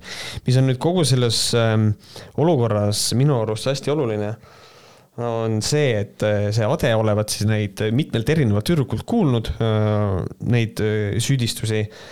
ja mingisugused kirjavahetused on aset leidnud, aga nüüd on meil esimene suur probleem ja see on see, et Ade ei nõustunud neid tõestusmaterjale avaldama, sest et ta põhimõtteliselt ähm, kartis tüdrukute turvalisuse pärast ja siin kohapeal peab Märt kahjuks ütlema seda, et kui meil ei ole tõestusmaterjali, siis me ei saa seda väidet lihtsalt niisama uskuda. ja see on veits fucked up äh, väide, et nii, et noh, ütleme, et, et seda nagu niisama nagu mm lennutada õhku tegelikult. et niisama lihtsalt sellist juttu ajada ilma tõestusmaterjalita, see on suhteliselt ohtlik nagu noh, põhimõtteliselt ikkagi sellele kirjutajale endale ja kui see peaks tulema välja, et see on vale, siis tehakse päris nagu ohvritele ka liiga, kes, äh, sest et siis on ük-, pluss üks näide sellest, kuidas on valesüüdistused ja siis kedagi käntsedatakse nende pärast. ehk siis äh, ma ei, päris täpselt ei saa aru, kuidas saab miks ei võiks jagada mingeid screen'e, kui, kus nimesid näha ei ole, kõike seda. et, et noh, tõestusmaterjalid on olemas, aga siin on see variant, et kui Sass peaks minema kohtusse, siis need võib-olla, võib-olla tulevad siis välja need tõestusmaterjalid, kui nad päriselt olemas on. et, et minu arust selline, selline väikene äh, asi, mida lisada. et noh, et siiski kinnitas neiu, et on näinud oma silmaga vestlusi äh, kirjaniku ja alaealiste tüdrukute vahel. ja ma olen siia märkuse teinud juurde, et noh, Varro kuulis ka head tuttavalt, kes sai info otse allikast. et selles mõttes niikaua, kuni sa ise kinnitad, et ma olen neid asju näinud, siis me ei saa ikkagi seda tõsiselt võtta, sest me ju tegelikult ei tea et, et siin, siinkohal on nüüd küll see, et pall on nagu väga tugevalt Sassenno väljaku poolel, et et noh, et ta ei tee, ühesõnaga see ade otseselt nagu kaasa ei aita, ta on tõstatanud mingi teema, mis on üdini kaheldav. ma ei võta siit nagu poolt, ma lihtsalt hindan seda infot, mis meil on praegu mm. -hmm ja noh, Ade kutsus teisi ka nagu sõna võtma mm -hmm. ja nii juhtuski, et kümned Twitteri kasutajad, niimoodi on siin artiklis kirjas äh,, hakkasid sel teemal äh, siis nagu sõna võtma. välja ilmus ka keegi Megaslat üheksakümmend neli, kes nimetas Hennot lausa salavägistajaks, seas kirjanikul harja punaseks.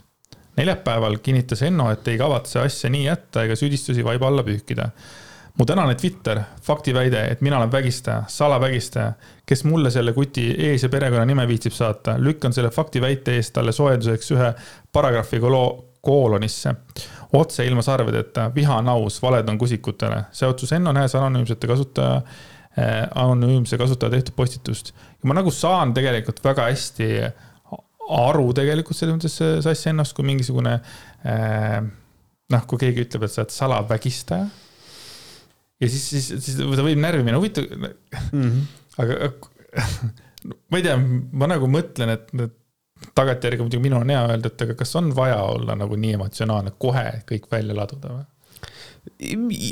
jah, mul tekib sama küsimus, et minul on täpselt sama probleem, et nagu kas et mulle tundub kuidagi hästi hot-headed see asi, et lihtsalt äh, närv on krussis ja kohe nagu hinge sisse-välja ja siis tulista või mõtle, kas sul on vaja tulistada. et aga siis põhimõtteliselt siis selgitati välja, kes see äh, Megaslot üheksakümmend neli on. et äh, siis selle artikli andmetel on tegu ühe graafilise disaineriga, kelle nimi on Harli Jaanimägi, kes follow ib ka mind Twitteris äh,, Joe Harli ja kui tema käest siis nagu küsiti selle asja kohta, siis ta ütleb, et ta on kahekümne seitsme aastane mees, kes ütleb seda, et ta postitas neid karme süüdistusi ainult nalja pärast. ja nüüd lähebki putsi. ja nüüd läheb asi putsi, sellepärast et see on üks-ühele, see on EKRE retoorika. kui öeldakse midagi, mis tuleb välja, et äh, vastukaja on sitaks negatiivne, siis öeldakse, aga me tegime ju ainult nalja. tead, mul on tunne, et ma teen seda ka kodus või midagi, teen mingit nalja või teen mingi asja, ütlen vaata lemmele onju yeah.. siis, mida sa ütled? aa, ma tegin nalja, vaata. tegelikult ma kasutan ise ka seda. ma tõstan kaks kätt üles, ma olen sedasama asja teinud, aga nothing nothing makes you look more guilty than this. et mm., et, et ma olen üdini nõus, et see, tegin nalja pärast. postitas karme mm. süüdistusi nalja pärast. Jõu, salavägistaja ja, ja. salavägistaja ja kõike seda, et noh, et siin on, ma ei tea äh,, natukene on see asi võib-olla ikkagi, tule, ma loodan, et ta saab ise aru, et ta on nagu liiale läinud, aga äh, siis ta ütleb edasi, et äh, tõendit ei ole, ta, mul ühtegi tõendit mul ei ole ning ühtegi faktipõhist väidet mina teinud ei ole niimoodi salavägistaja, kes ja, nagu ei. noh, niisugune yeah. ja, ja tema, tema sõnul on tegemist paroodiakontoga ja siis ma võtsin kätte, läksin täna kohe vaatasin tema kontot ja tal ei ole mitte kuskil kirjas, et tegu on paroodiakontoga. Ehk siis yeah, that's not gonna work, et kasutada sellises kontekstis äh, paroodiakaitset on minu arust mage ja seda ütleb inimene, kelle pärast ERR käis kohtuda Varro Vooglaiuga et äh, see on hale, äh, selline vabandumine on väga hale minu arust, et äh, kui, kui sul ei ole established paroodiakonto, siis, siis be careful ja ta ütleb siis, et mitte keegi minu jälgijaskonnast ei võta mu säutse faktipõhisena. jah, aga kuidas on väljaspool sinu kogukonda, eriti kui sul ei ole kontos nagu bios kuskil kirjas, et see on paroodia, siis on see asi hoopis teistsugune, ehk siis sa annad inimestele. ühesõnaga, see on ta on andnud endale plausible deniability ehk siis see, et ma, ma esitan mingi väite ja siis, kui ma saan hullult äh, vastu vahtimist selle eest, ma tegin nalja, selline nali, mul on paroodiakonto, kõik. aga niikaua ta räägib, äh, võib öelda asju, mis tal põhimõtteliselt sülg suhu toob, et mulle väga, mulle on suhteliselt vastumeelne selline, selline käitumine, et ma loodan, et äh, Harli õpib sellest ja natukene mõtleb sügavalt järgi aga, aga siis Jaanimäe seletab ka, et nagu see tema nali siis sai alguse sellest Henno, sellest sõimulainest, millest me juba rääkisime ka põgusalt et äh, see, kus ta siis ütles, et äh, ühele inimesele, et äh, kuradi vägistaja kaitsev limukas, et kus sa veel välja roomasid. et minul lihtsalt tekib Sass Enno, Sass Ennole see küsimus, et kuidas on võimalik olla nii mustvalge mingis vallas. et otse loomulikult ma saan aru, vägistajad, need on vaja selle eest karistada, kõik, kõike seda, aga mina ei ole siukse capital punishment'i pooldaja, et nüüd on vaja nad üles puua või et nad ennast üles puuaks, need on inimesed, kes on haiged, et neid on vaja aidata, neid on vaja rehabiliteerida ja et me saaksime nende käitumismustritest, me saaksime teada, mis neid selle, mis neid viis vägistamiseni, et me saaksime võimalusel edaspidi selliseid olukordi vältida jah, sellest me rääkisime ka meie viimases Patreonis, sellest sinu see idealist, mis sinus on, vaata. mina olen praegu täpselt kahe vahel. Äh, ma saan aru äh, nagu Sass Henno resoluutsusest mingite, ähm, noh, mingitest asjades, vaata mm.. aga ma saan ka aru sellest sinu see lihtsalt äh, ma usun, et Sassen on näinud nagu võib-olla nii palju valu, ütleme, noh, sest ma tean, et ta tegeles selle äh, vägistatute selle teemaga, et ta on nagu nii palju valu näinud nagu, äh, mis on vägistajate poolt nagu tehtud ja mis traumeerivad, traumeerivad inimesi nagu terveks eluks, on ju. ja, ja siis see pilt selles mõttes nagu kaob ära ja ta võitlebki, ütleme selle, selle, selle cause'i eest, et noh, vägistajad ongi värdjad, need tuleb maha tappa, on ju. Hmm. et ma nagu saan ülihästi aru sellest no jaa, aga siis see tähendab Sest, mida, ikkagi. mida sa, oota, ma korra veel segan no,, et, et nagu mida sa väga õpid sellest, kui mingisugune äh, debiil lihtsalt äh, käis, vägistas kedagi? Ja võib-olla vägistas kaks või kolm korda, et noh, ma tahaks teada, mis, mis, mis, mis siin maailmas kasu tuleb sellest, et sa saad teada, miks ta vägistas? Me, see kasu on selles, et kui me suudame äh, näha, mil, mis on need impulsid ja mis on need äh, asjad selle inimese juurest, tema minevikus ja nii edasi, mis võivad sellist käitumist esile tuua.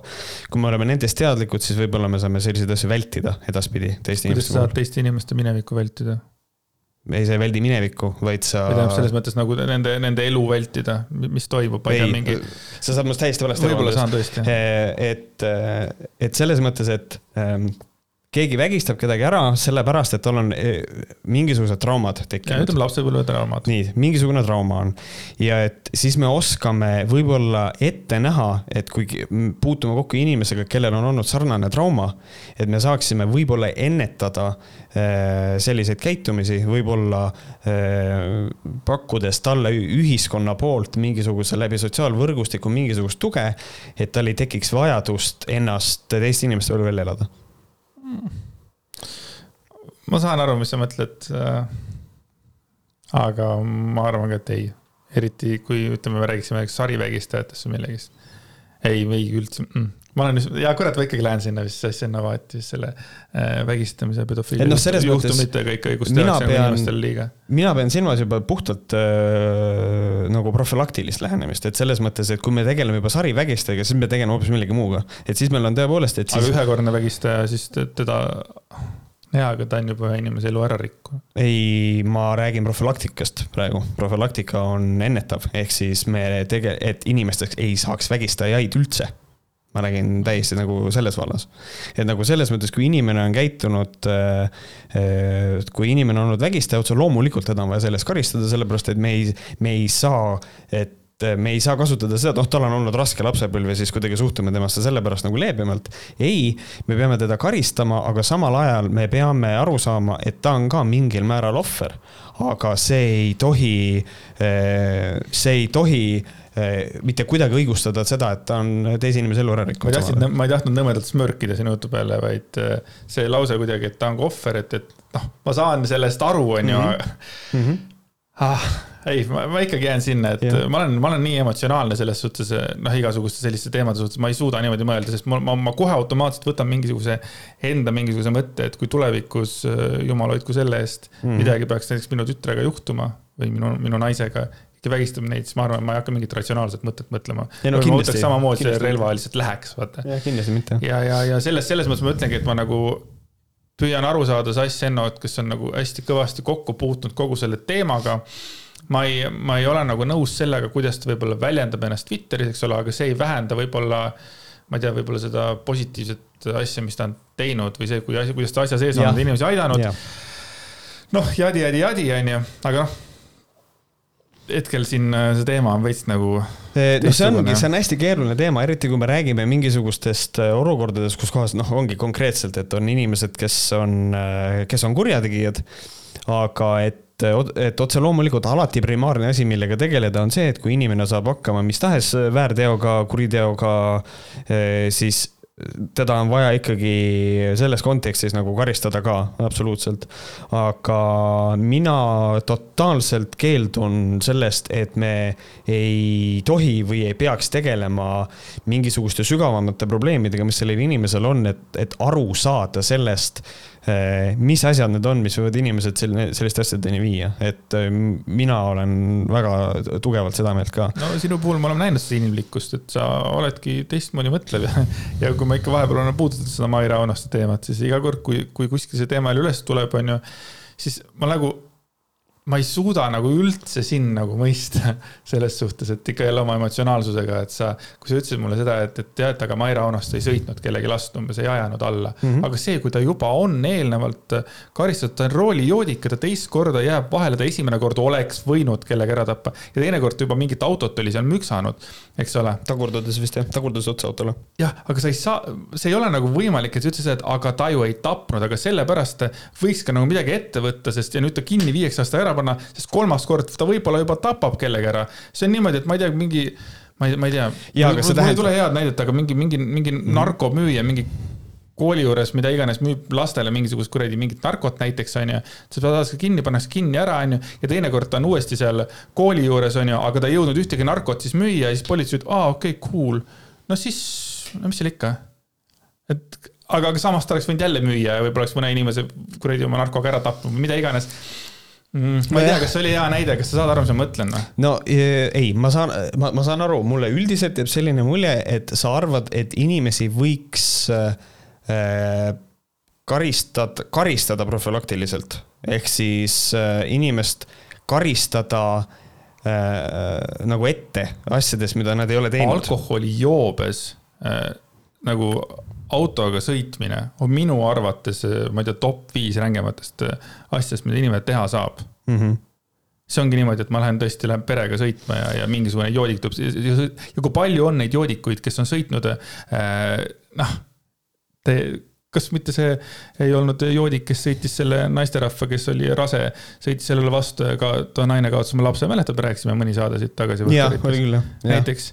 jah noh, aga kui eelnevalt oleks see inimene lõpuks, ta oli seesama vend, kes oli mitu korda vahele jäänud täispeaga ja nii edasi, mhm. aga kui ta oleks üks hetk kinni pandud, noh ehk ta oleks sellel ajal olnud kinni või siis ta oleks sellest õppinud, et, et, et ka see on rehabilitatsioon, kui sa paned selle inimese mingiks ajaks kinni ta mõtleks oma kuradi pasa järele see ei ole rehabiliteerimine, kui me paneme ta lihtsalt kinni, selles mõttes, et me, me täpselt samamoodi, me ju ei saa oletada seda, kui me paneme, okei okay,, äh, inimene on kakskümmend viis aastat vana, äh, joob täis, istub autorooli, püütakse kinni ja pannakse viieks aastaks vangi.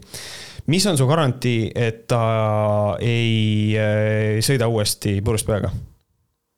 see, see ei ole garantii, aga viis aastat on tänavad natukene julgemad kohad et noh, et ma ei tea, mina, mina ise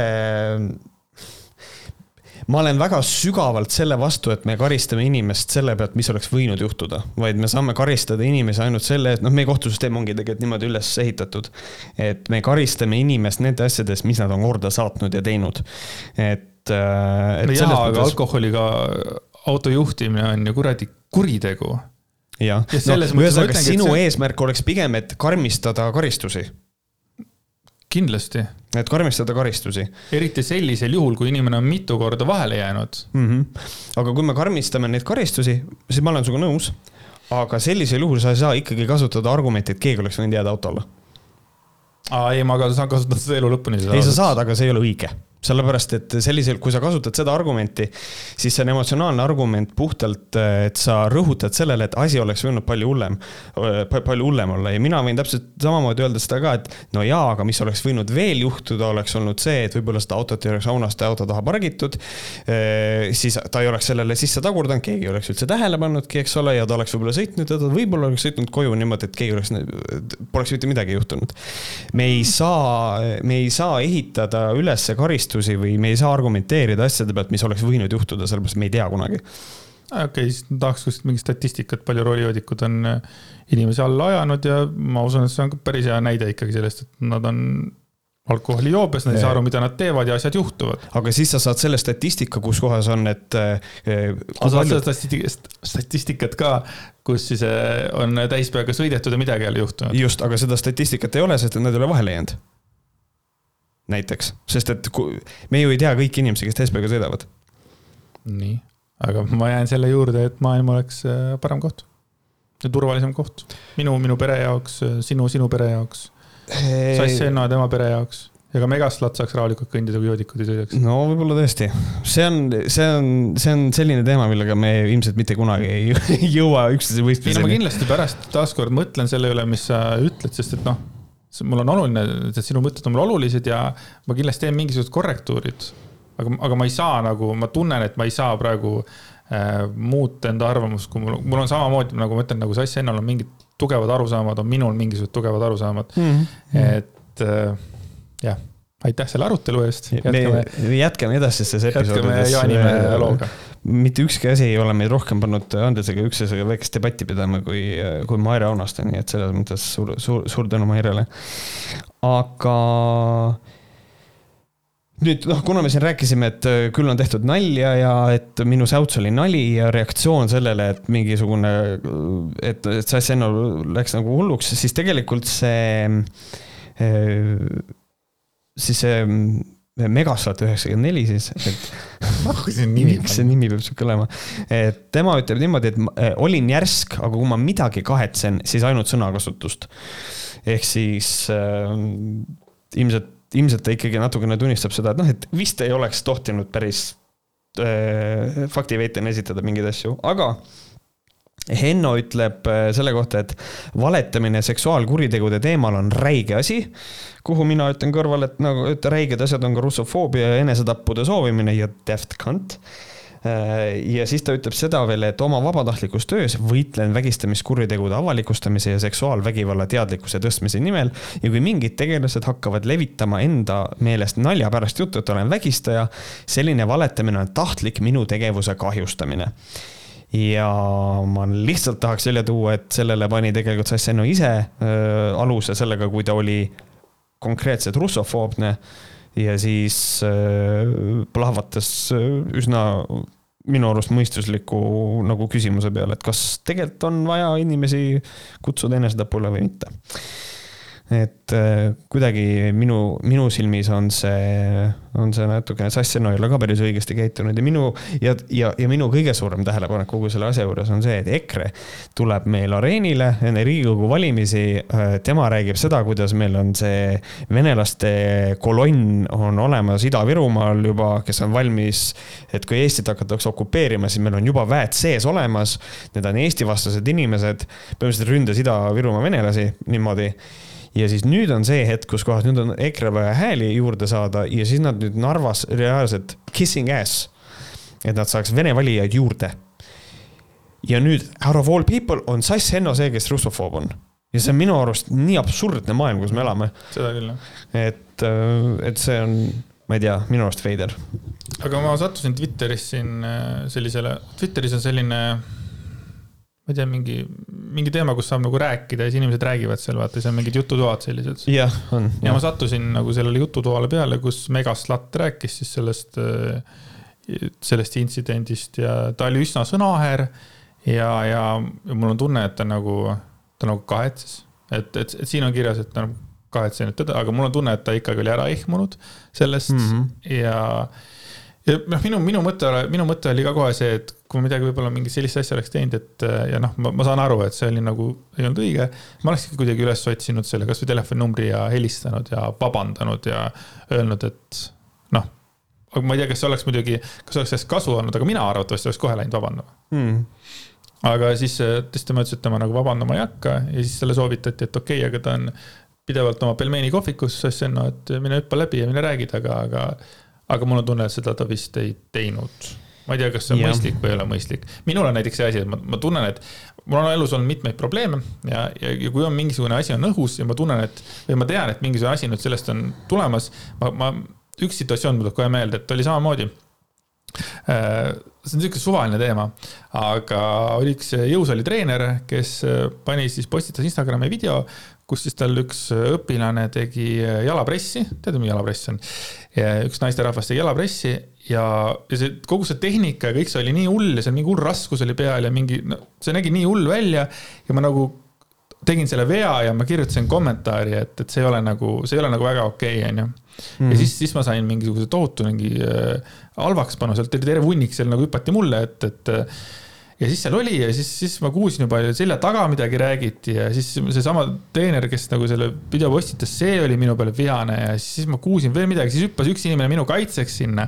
aga too läks üle piiri veits ja mm -hmm. hakkas seal lausa sõimama ja, ja siis seal oli asi väga-väga hull oli ja siis ma mäletan, et see teema läks nii suur, suureks, et siis äh, helistasime selle tüübiga ja selle treeneriga, ei saanud mm -hmm. seda asja ikka päris selgeks ära ja ma ei saanud rahu, ma ei saanud enne rahu, kui ma läksin, sõitsin nagu, nagu tema töö juurde Tartus oli ja, ja ütles, et räägime ja rääkisime, me rääkisime, rääkisime, veerand tundi rääkisime, saime nagu asjad ära räägitud ja me suutsime nagu leida nagu ühise meele, eks ole, ja surusime käppa, läksime nagu lahku selles mõttes nagu, nagu, nagu positiivse vibe'iga, aga see teine mm vend, kes on nagu edasi läks ründama, noh, sellega nad vist siiamaani on vihased, on ju. et, et kuidagi ma ei saanud nagu rahu, seepärast ma tundsin, et okei okay,, et äh, see asi läks nagu out of hands totally, vaata. Jah, no vaata, siin on see kõige ohtlikum ongi see, et kui sinul tekib mingisugune konflikt äh, online'is teise inimesega ja siis sul on äh, äh noh, enam-vähem viisakas äh, nagu sihukene vestlus ikkagi ja siis sul sajab keegi tuleb sinu kaitseks näiteks, aga tema läheb üle piiri, siis sinul tekib sihuke asi nagu guilt by association. ehk siis sinult eeldatakse, et sa oled samasugune, et lähed üle piiri. ja see on kõige suurem probleem minu arust igasuguse sellise online äh, nagu tülide suunas on see, et mõned inimesed on süüdi nad on täpselt samasugused nagu see teine inimene, sest et nad on ühel poolel ja kõik mm. -hmm. ja see oli üks, ma arvan, see oli üks mingisugune, üks mingisugune kahest-kolmest situatsioonist, kus ma sain aru, et üleüldse see kommenteerimine ja Facebookis ja kõik need asjad ja samamoodi Messengeri vaidlemine, mida ma ka nooremana tegin päris tihti, et see oli vaja kõik enda emotsioonid välja valada, onju. pärast loed, vot tegelikult ka nagu endiselt debiil, vaata. ja tema loeb, kuidas tema seda loeb, siis tema kirjutab oma memuaari, mina enda. siis mingi õigustamine käib, kumbki kumbagi kuulata ei taha. ja see oligi mingi, ma vist kaks aastat ei ole nagu üheski mingisuguses kommentaarivestluses. ma olen sinuga paar korda rääkinud sellest, et sa oled öelnud, et sa ikka hakkad kommentaaridele vastama ja vaata, üritad inimest mõistusele tuua. ei ole vaja, ei ole mõtet nagu, sest see on nagu, sina lähed närvi, tema läheb närvi, kõik lähevad närvi, vaata oleneb vestlusest, aga põhimõtteliselt küll jah, eks ta. netis see, ma ei tea, see, see madina pidamine on igavene jama ja noh, järjekordne ka, ka Twitteris näed siin, ongi, lihtsalt mm -hmm. hakkas sõda pihta ja põhimõtteliselt ega teist kuulata ei taheta, lihtsalt visatakse oma seda paska ja jah, see on nagu, noh, mul on endal ka, mul on mingi natsikutsikas on, follow ib mind ja lihtsalt aeg-ajalt käib, kommenteerib mul mingeid asju niimoodi ja võtab täiesti teemaväliseid asju ja mõtleb välja asju, mida ma olen öelnud ja et et, äh, et jah, see, selliste inimestega ei ole nagu mõtet äh, suhelda. Ja ma loodan, et kui ma ütlesin siin seda ka, et eh, kritiseerisin seda, me tege-, ma tegin seda ainult nalja pärast, et see on EKRE retoorika, et ma ei öelnud, et sa oled EKRE-meelne lugupeetud Megaslat üheksakümmend neli, still funny et vaid et see on EKRE retoorika, EKRE kasutab samasugust retoorikat, et, et see ei ole nagu, see, see ei ole sama asi aga ma huviga ootan, mis edasi saab, sest ma arvan, et see ka. võiks üsna kiiresti nagu edasi minna, et mm. -hmm. nõus, et tahaks näha. nii, meil oli väike jump cut, äh, aga oleme, oleme tagasi, jätkame oma saadet äh, kirjaga ja kiri on siis selline. Äh, hei, lahedad võhkarid. no siin on juba faktiviga sees, et lahedad, ma ei, ma ei tea. mõtlesin, et võtan julguse kokku ja küsin, mis arvate antud teemast Tallinna kiirabi peaarst Raul Adlas edastas kiirabiõele brigaadijuhile Joonas Õsale hoiatuse seitsmeteistkümnendaks maiks peab ta esitama personaliosakonnale vaktsiinipassi, vastasel juhul öeldakse leping üles. sama kehtib ka teiste vaktsineerimata töötajate puhul. olgu lisatud, et olen vaktsineeritud Tallinna kiirabitöötaja ja toetan juhtkonda. ei taha ka sõita kellegagi kakskümmend neli tundi, kes võib olla positiivne. samuti pole tore, kui veaks selle haiguse mõnele patsiendile. aitäh, kui viitsite vastata, edu teile, S ja siis äh, on lisatud ka siia artikkel, äh, kus kohas äh, pealkiri ütleb seda, et vaktsineerimata kiirabitöötajad on valmis minema kohtusse. ma ei tea, minu, minul on kohe nagu selle kiirabitöötajate vaktsineerimisega on nagu igasugune terve mõistus ütleb mulle seda, et kiirabitöötaja peaks olema vaktsineeritud, eriti praegusel ajal, kus meil on pandeemia. aga siis on mingi teine osa ütleb, et aga ka on ju minu, või sul ei ole agat? Eh, mul on, eh, minu aga on see, aga ma saan aru, et mõned inimesed tõepoolest ei taha äh, olla, nad ei taha saada vaktsiini, ma saan sellest aru. aga siis sa ei saa olla kiirabitöötaja. nojah, aga nüüd me olemegi sellise lahtise küna ees, et äh, kui kolmkümmend, kolmkümmend inimest on ju mm -hmm,. kolmkümmend kiirabitöötajat on keeldunud vaktsiinist siis äh, see on natuke liiga suur number, et, äh, et nagu neile öelda, et aga tõmmake siis nahhui. ja mul on tunne, et neil on vaja leida mingisugune, äh, mingisugune nagu lahendus mm,. umbes kolmkümmend, aga ühesõnaga see võib ka natuke väiksem olla või natuke suurem. aga ühesõnaga jah, et, et siin on nende siis, ma ei tea, kuidagi ongi see nii keeruline teema, sest et äh, siin on, et kiirabitöötajate ametiühingu juhatuse liige Joona Sõsa, äh, siis äh, et noh, tema on siis nagu selle poolt, et nagu ei ole vaja vaktsineerida ja tema ka nagu kaitseb ka nagu seda, et, et nad pooldavad, et ta on öelnud, et me ei ole kindlasti vaktsiinivastased, pigem oleme eksperimentaalsete ja uurimata vaktsiinide kriitikud või siis vaktsiinivabaduse pooldajad, kehalise puutumatuse pooldajad. me oleme väga vastutustundlikud tervishoiutöötajad ja see ei tee meist vaktsiinivastaseid.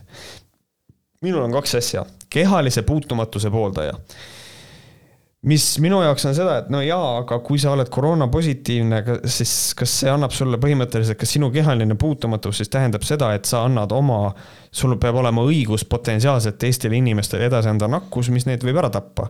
ja teine asi, ta ütleb, me oleme väga vastutustundlikud, siis mul selle koha peal tekib lihtsalt arusaamatus, et vastutustundlik, et minu arust vastutustundlik ongi ennast vaktsineerida et äh, minul on, mina toetan ka pigem juhtkonda, et äh, minimeerime seda nakatumise võimalust nii palju kui võimalik, noh.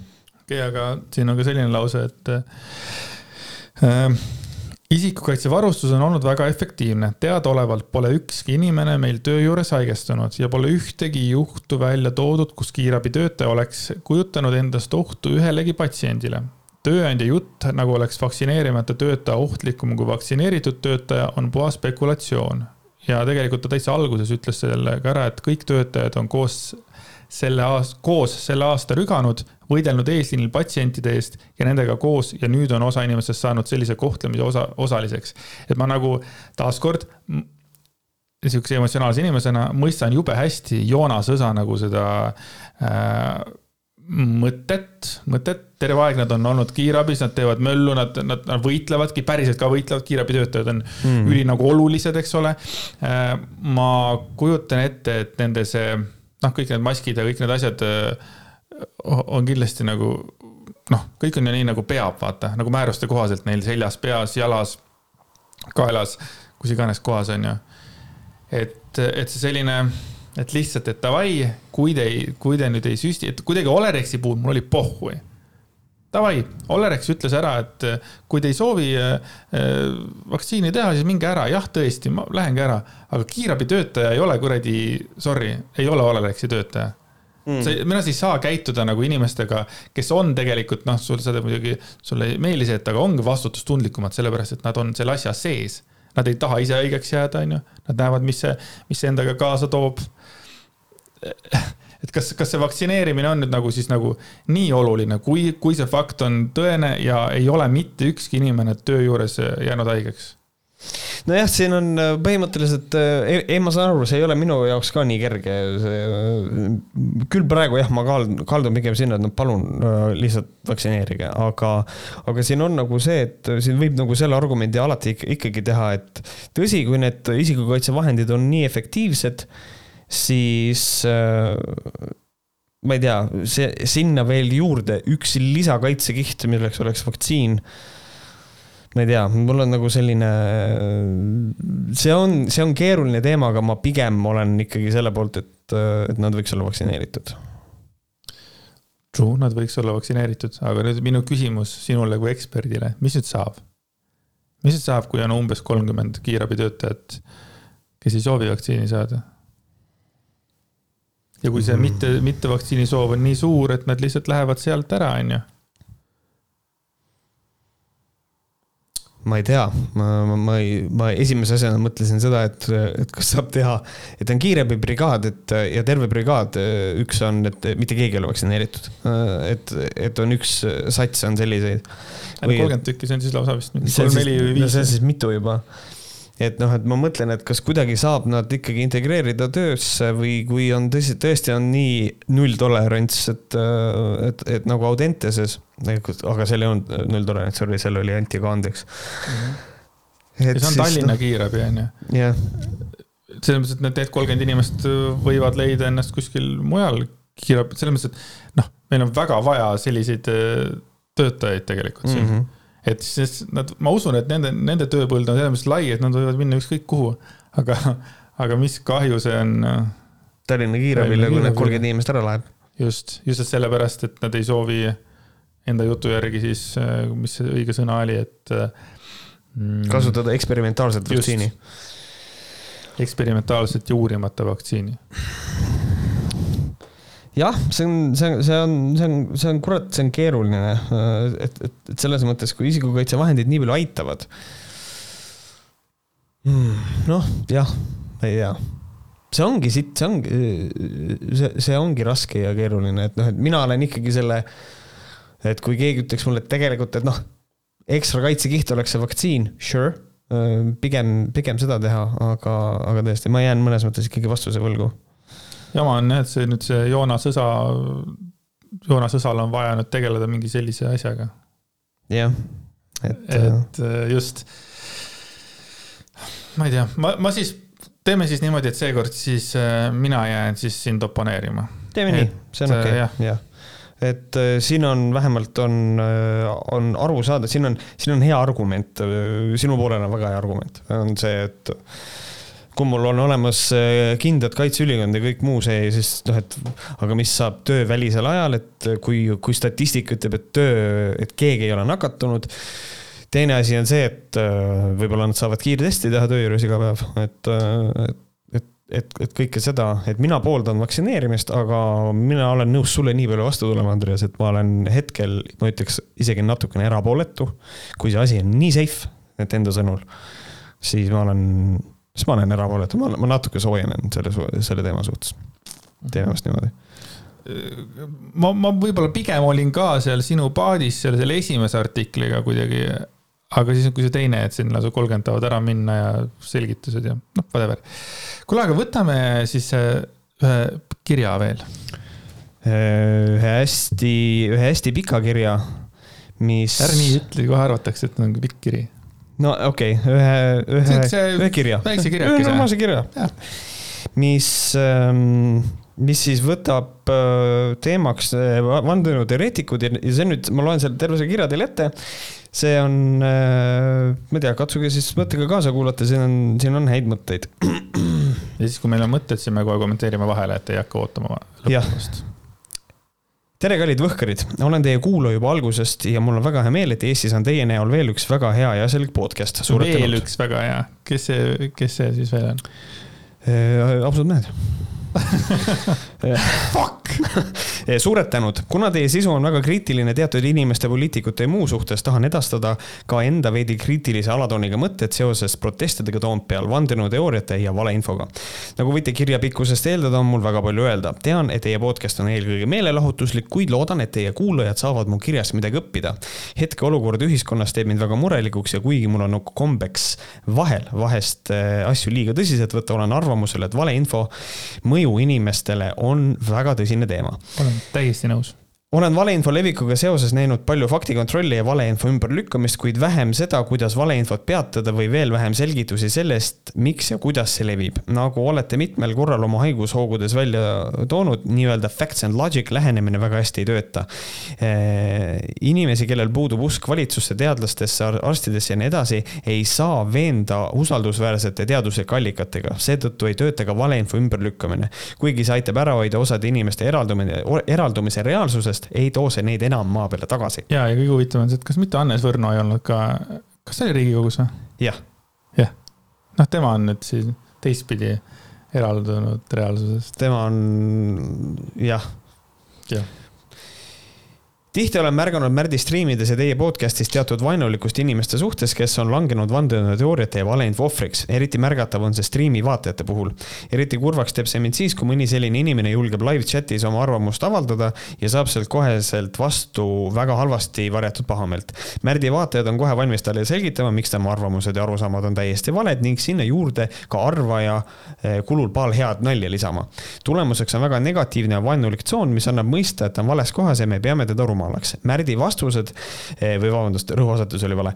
Märdi vastused on enamasti viisakad ja ei kanna nii tugevat vaenulikku alatooni. kuid kui terve striimi aja on sarnaste inimeste üle naerdud, jääb eh, kogu suhtlusele siiski halb maik. siinkohal ma pean ise tunnistama seda, et eh, tegelikult see, mida teeb chat striimi ajal, siis lõppkokkuvõttes tuleb tunnistada, et minul kui striimi host'il, striimi tegijal, mul tegelikult ei ole chat'i üle kontrolli.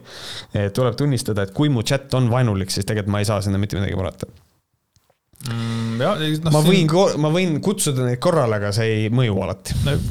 jah, mul jälle tekkis see küsimus, et vaata, kui sul vahepeal hüppavad sinna sisse mingisugused siis niinimetatud, ma ei tea, ütleme siis korraks trollid, et kes hakkavad mingisugust asja mm -hmm. ajama ja nad ajavad ja ajavad, ajavad.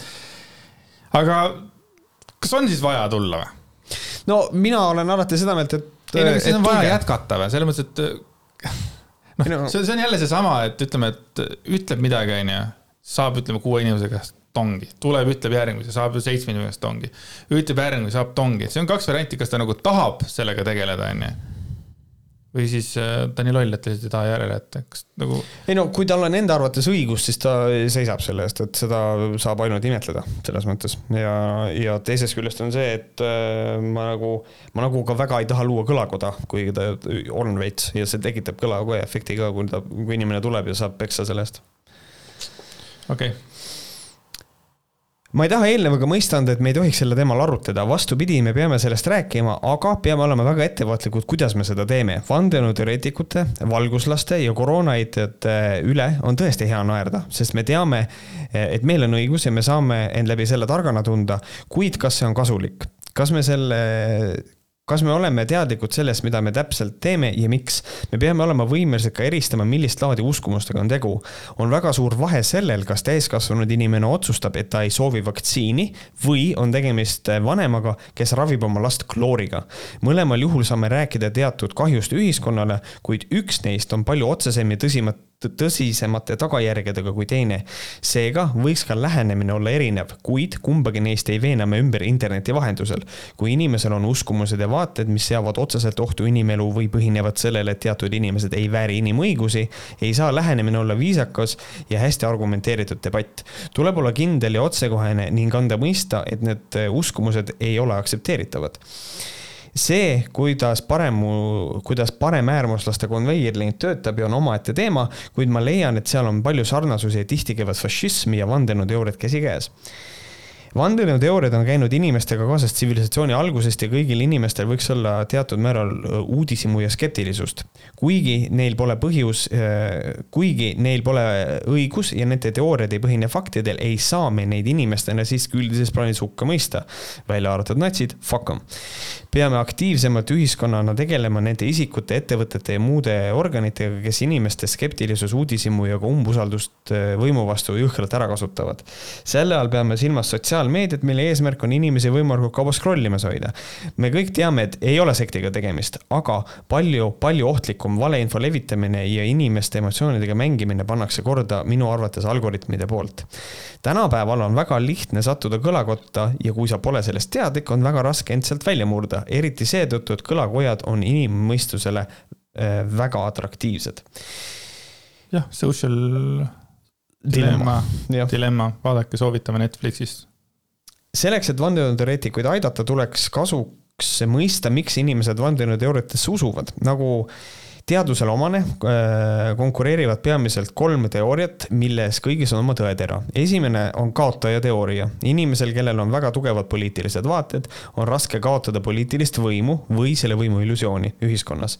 hea näide sellest on Ameerika Ühendriikide poliitika. kui toimub võimuvahetus, on kaotajatel vaja leida mugav põhjus, miks nad kaotasid. eeldatakse, et vastased tegid sohki ja nende võimu võtmine pole seetõttu legitiimne. viimastel aastatel levinud Russiagate teooria tema demokraatide poolt ja valimispettuse teooria vabariiklaste poolt. see on väga hea näide. teine teooria on info puudumine ja ebakindlus. siin saame näiteks tuua praeguse pandeemia. kui eksperdid ja juhid räägivad erinevat juttu, nõuanded ja soovitused ei klapi omavahel, siis keegi ei tea täpselt, mis toimub, siis on eh, vastuseid eh, vaja leida mujalt. inimestele ei meeldi teadmatus, see tekitab meis hirmu ja ärevust. maailm on tihti ebaloogiline, ebaõiglane, arusaamatu ning meil on vaja midagi, millega seda selgitada. natsidel on juudid, vandenõuteoreetikutel Bill Gates, Eesti liberaalidel on EKRE, Varrol LGBT pluss kogukond ja nii edasi. kõigile leidub midagi, tihtipeale on asjad aga palju keerulisemad kui üks inimgrupp, kelle süüks me saame kõik maailma hädad ajada. see reaalsus on väga ebamugav, ehm, seetõttu leiame me tihti mugavamad selgitused, nagu näiteks süvariik see oli nüüd minu lisa. siis süvariik on üks parimaid näiteid sellest, et see on see üks suur äh, koll, mis on kapis.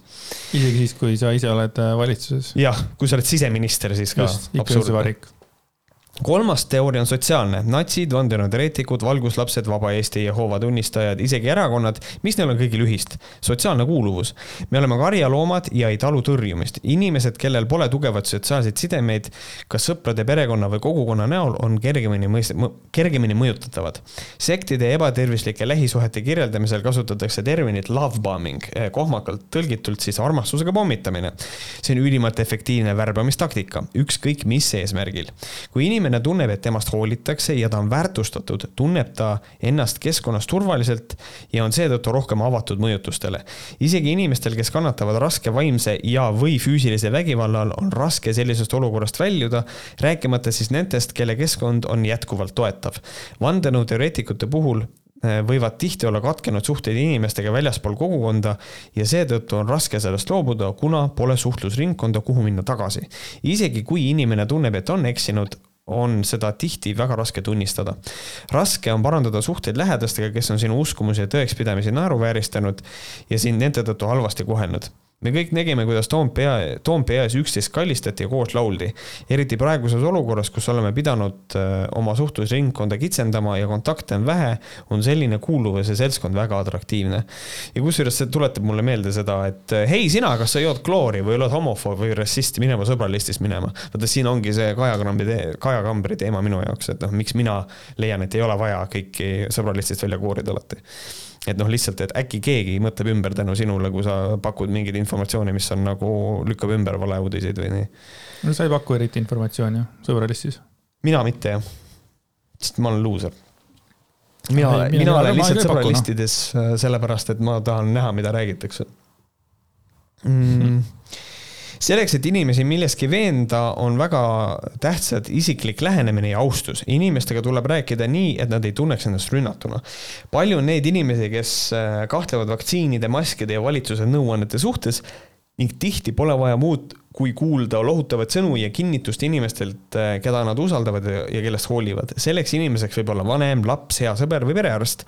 vahel lihtsalt jääb väheks Terviseameti nõuannetest, valitsuse pressiteadetest või sotsiaalmeedia postitusest, eriti kui levib väga palju konfliktset informatsiooni. kõige tähtsam on rääkida inimestega ilma hukkamõistuta ja üritada neid lihtsalt aidata selle asemel, et inimesi rünnata faktide, statistika, raskelt loetavate teadustööde, lihtsalt suhelge omavahel ja proovige leida ühist maad, millest, millelt alustada. tuleks uurida, mida ta täpselt arvab ja millised on tema mured. Vahelduseks võiks inimesed proovida üksteist lihtsalt mõista, mitte hukka mõista. ma tean, et see kõlab imalalt, aga kui inimene, keda üritatakse veenda, saab aru, et teda ei austata, ei võta ta vastu ühtegi argumenti, ükskõik kui loogiline ja hästi esitatud see on kui olete leidnud ühise keele ja suudate üksteist mõista, on lootust, et ehk midagi jõuab ka lõpuks kohale siinkohal on oluline taaskord mainida, et kui tegemist on tõsise rassisti, homofoobi või mõne muu natsikutsikaga, siis ei saa nende vaateid austada viisaka debatiga. kui kelle, kui kellegi vaated põhinevad sellel, et teised inimesed ei vääri inimõigusi või peaksid surema, siis mingu perse või nagu on öelnud härra Võrno, siin peaks juba tõesti selgelt politsei sekkuma. ootan väga teie mõtteid sellel teemal, kui aega leiate ja tahtmist minu kirjandit ette lugeda ja tänan veel kord imelise töö eest selle podcast'iga eh, ja ka mujal Äh, aitäh, äh, aitäh, Siino. Äh, suur tänu selle kirja eest.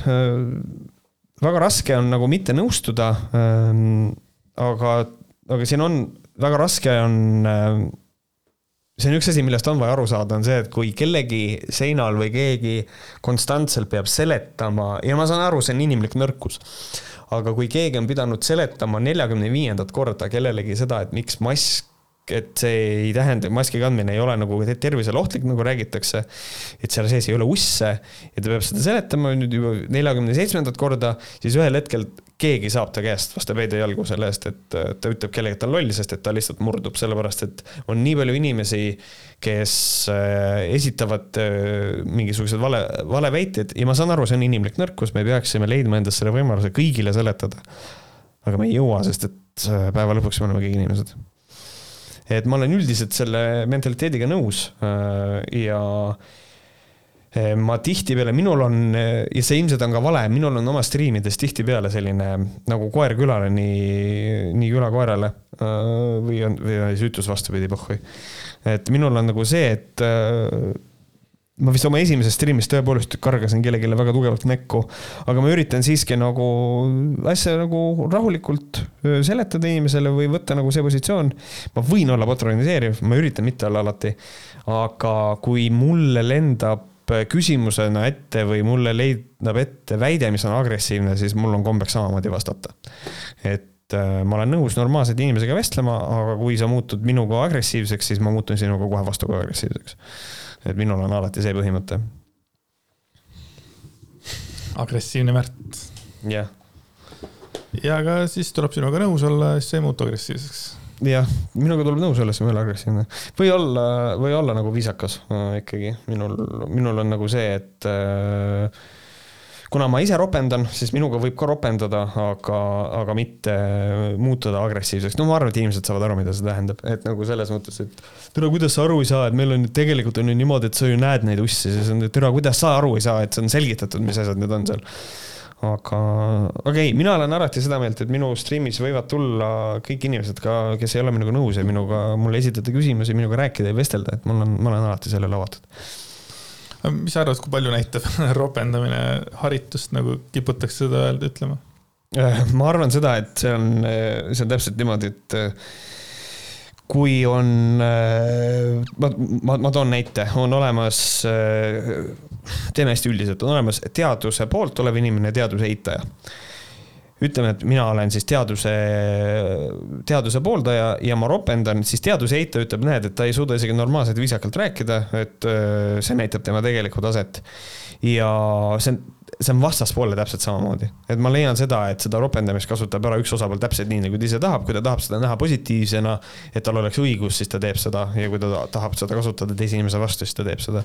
minu arvates on äh, ropendamine suht pohhui asi äh,. mingisugused, ma olen üritanud seda nüüd iseendalt nagu üsna palju välja juurida lihtsalt sellepärast, et inimesed on selle koha pealt touchy-feel'id natukene, aga, aga üldiselt ma ei tea, ma ei, ma ei pane sinna taha, kui keegi ropendab, siis ma, ma üritan näha selle taha, mida ta ütleb, mitte seda, kuidas ta kes ütleb. on touchy-feely?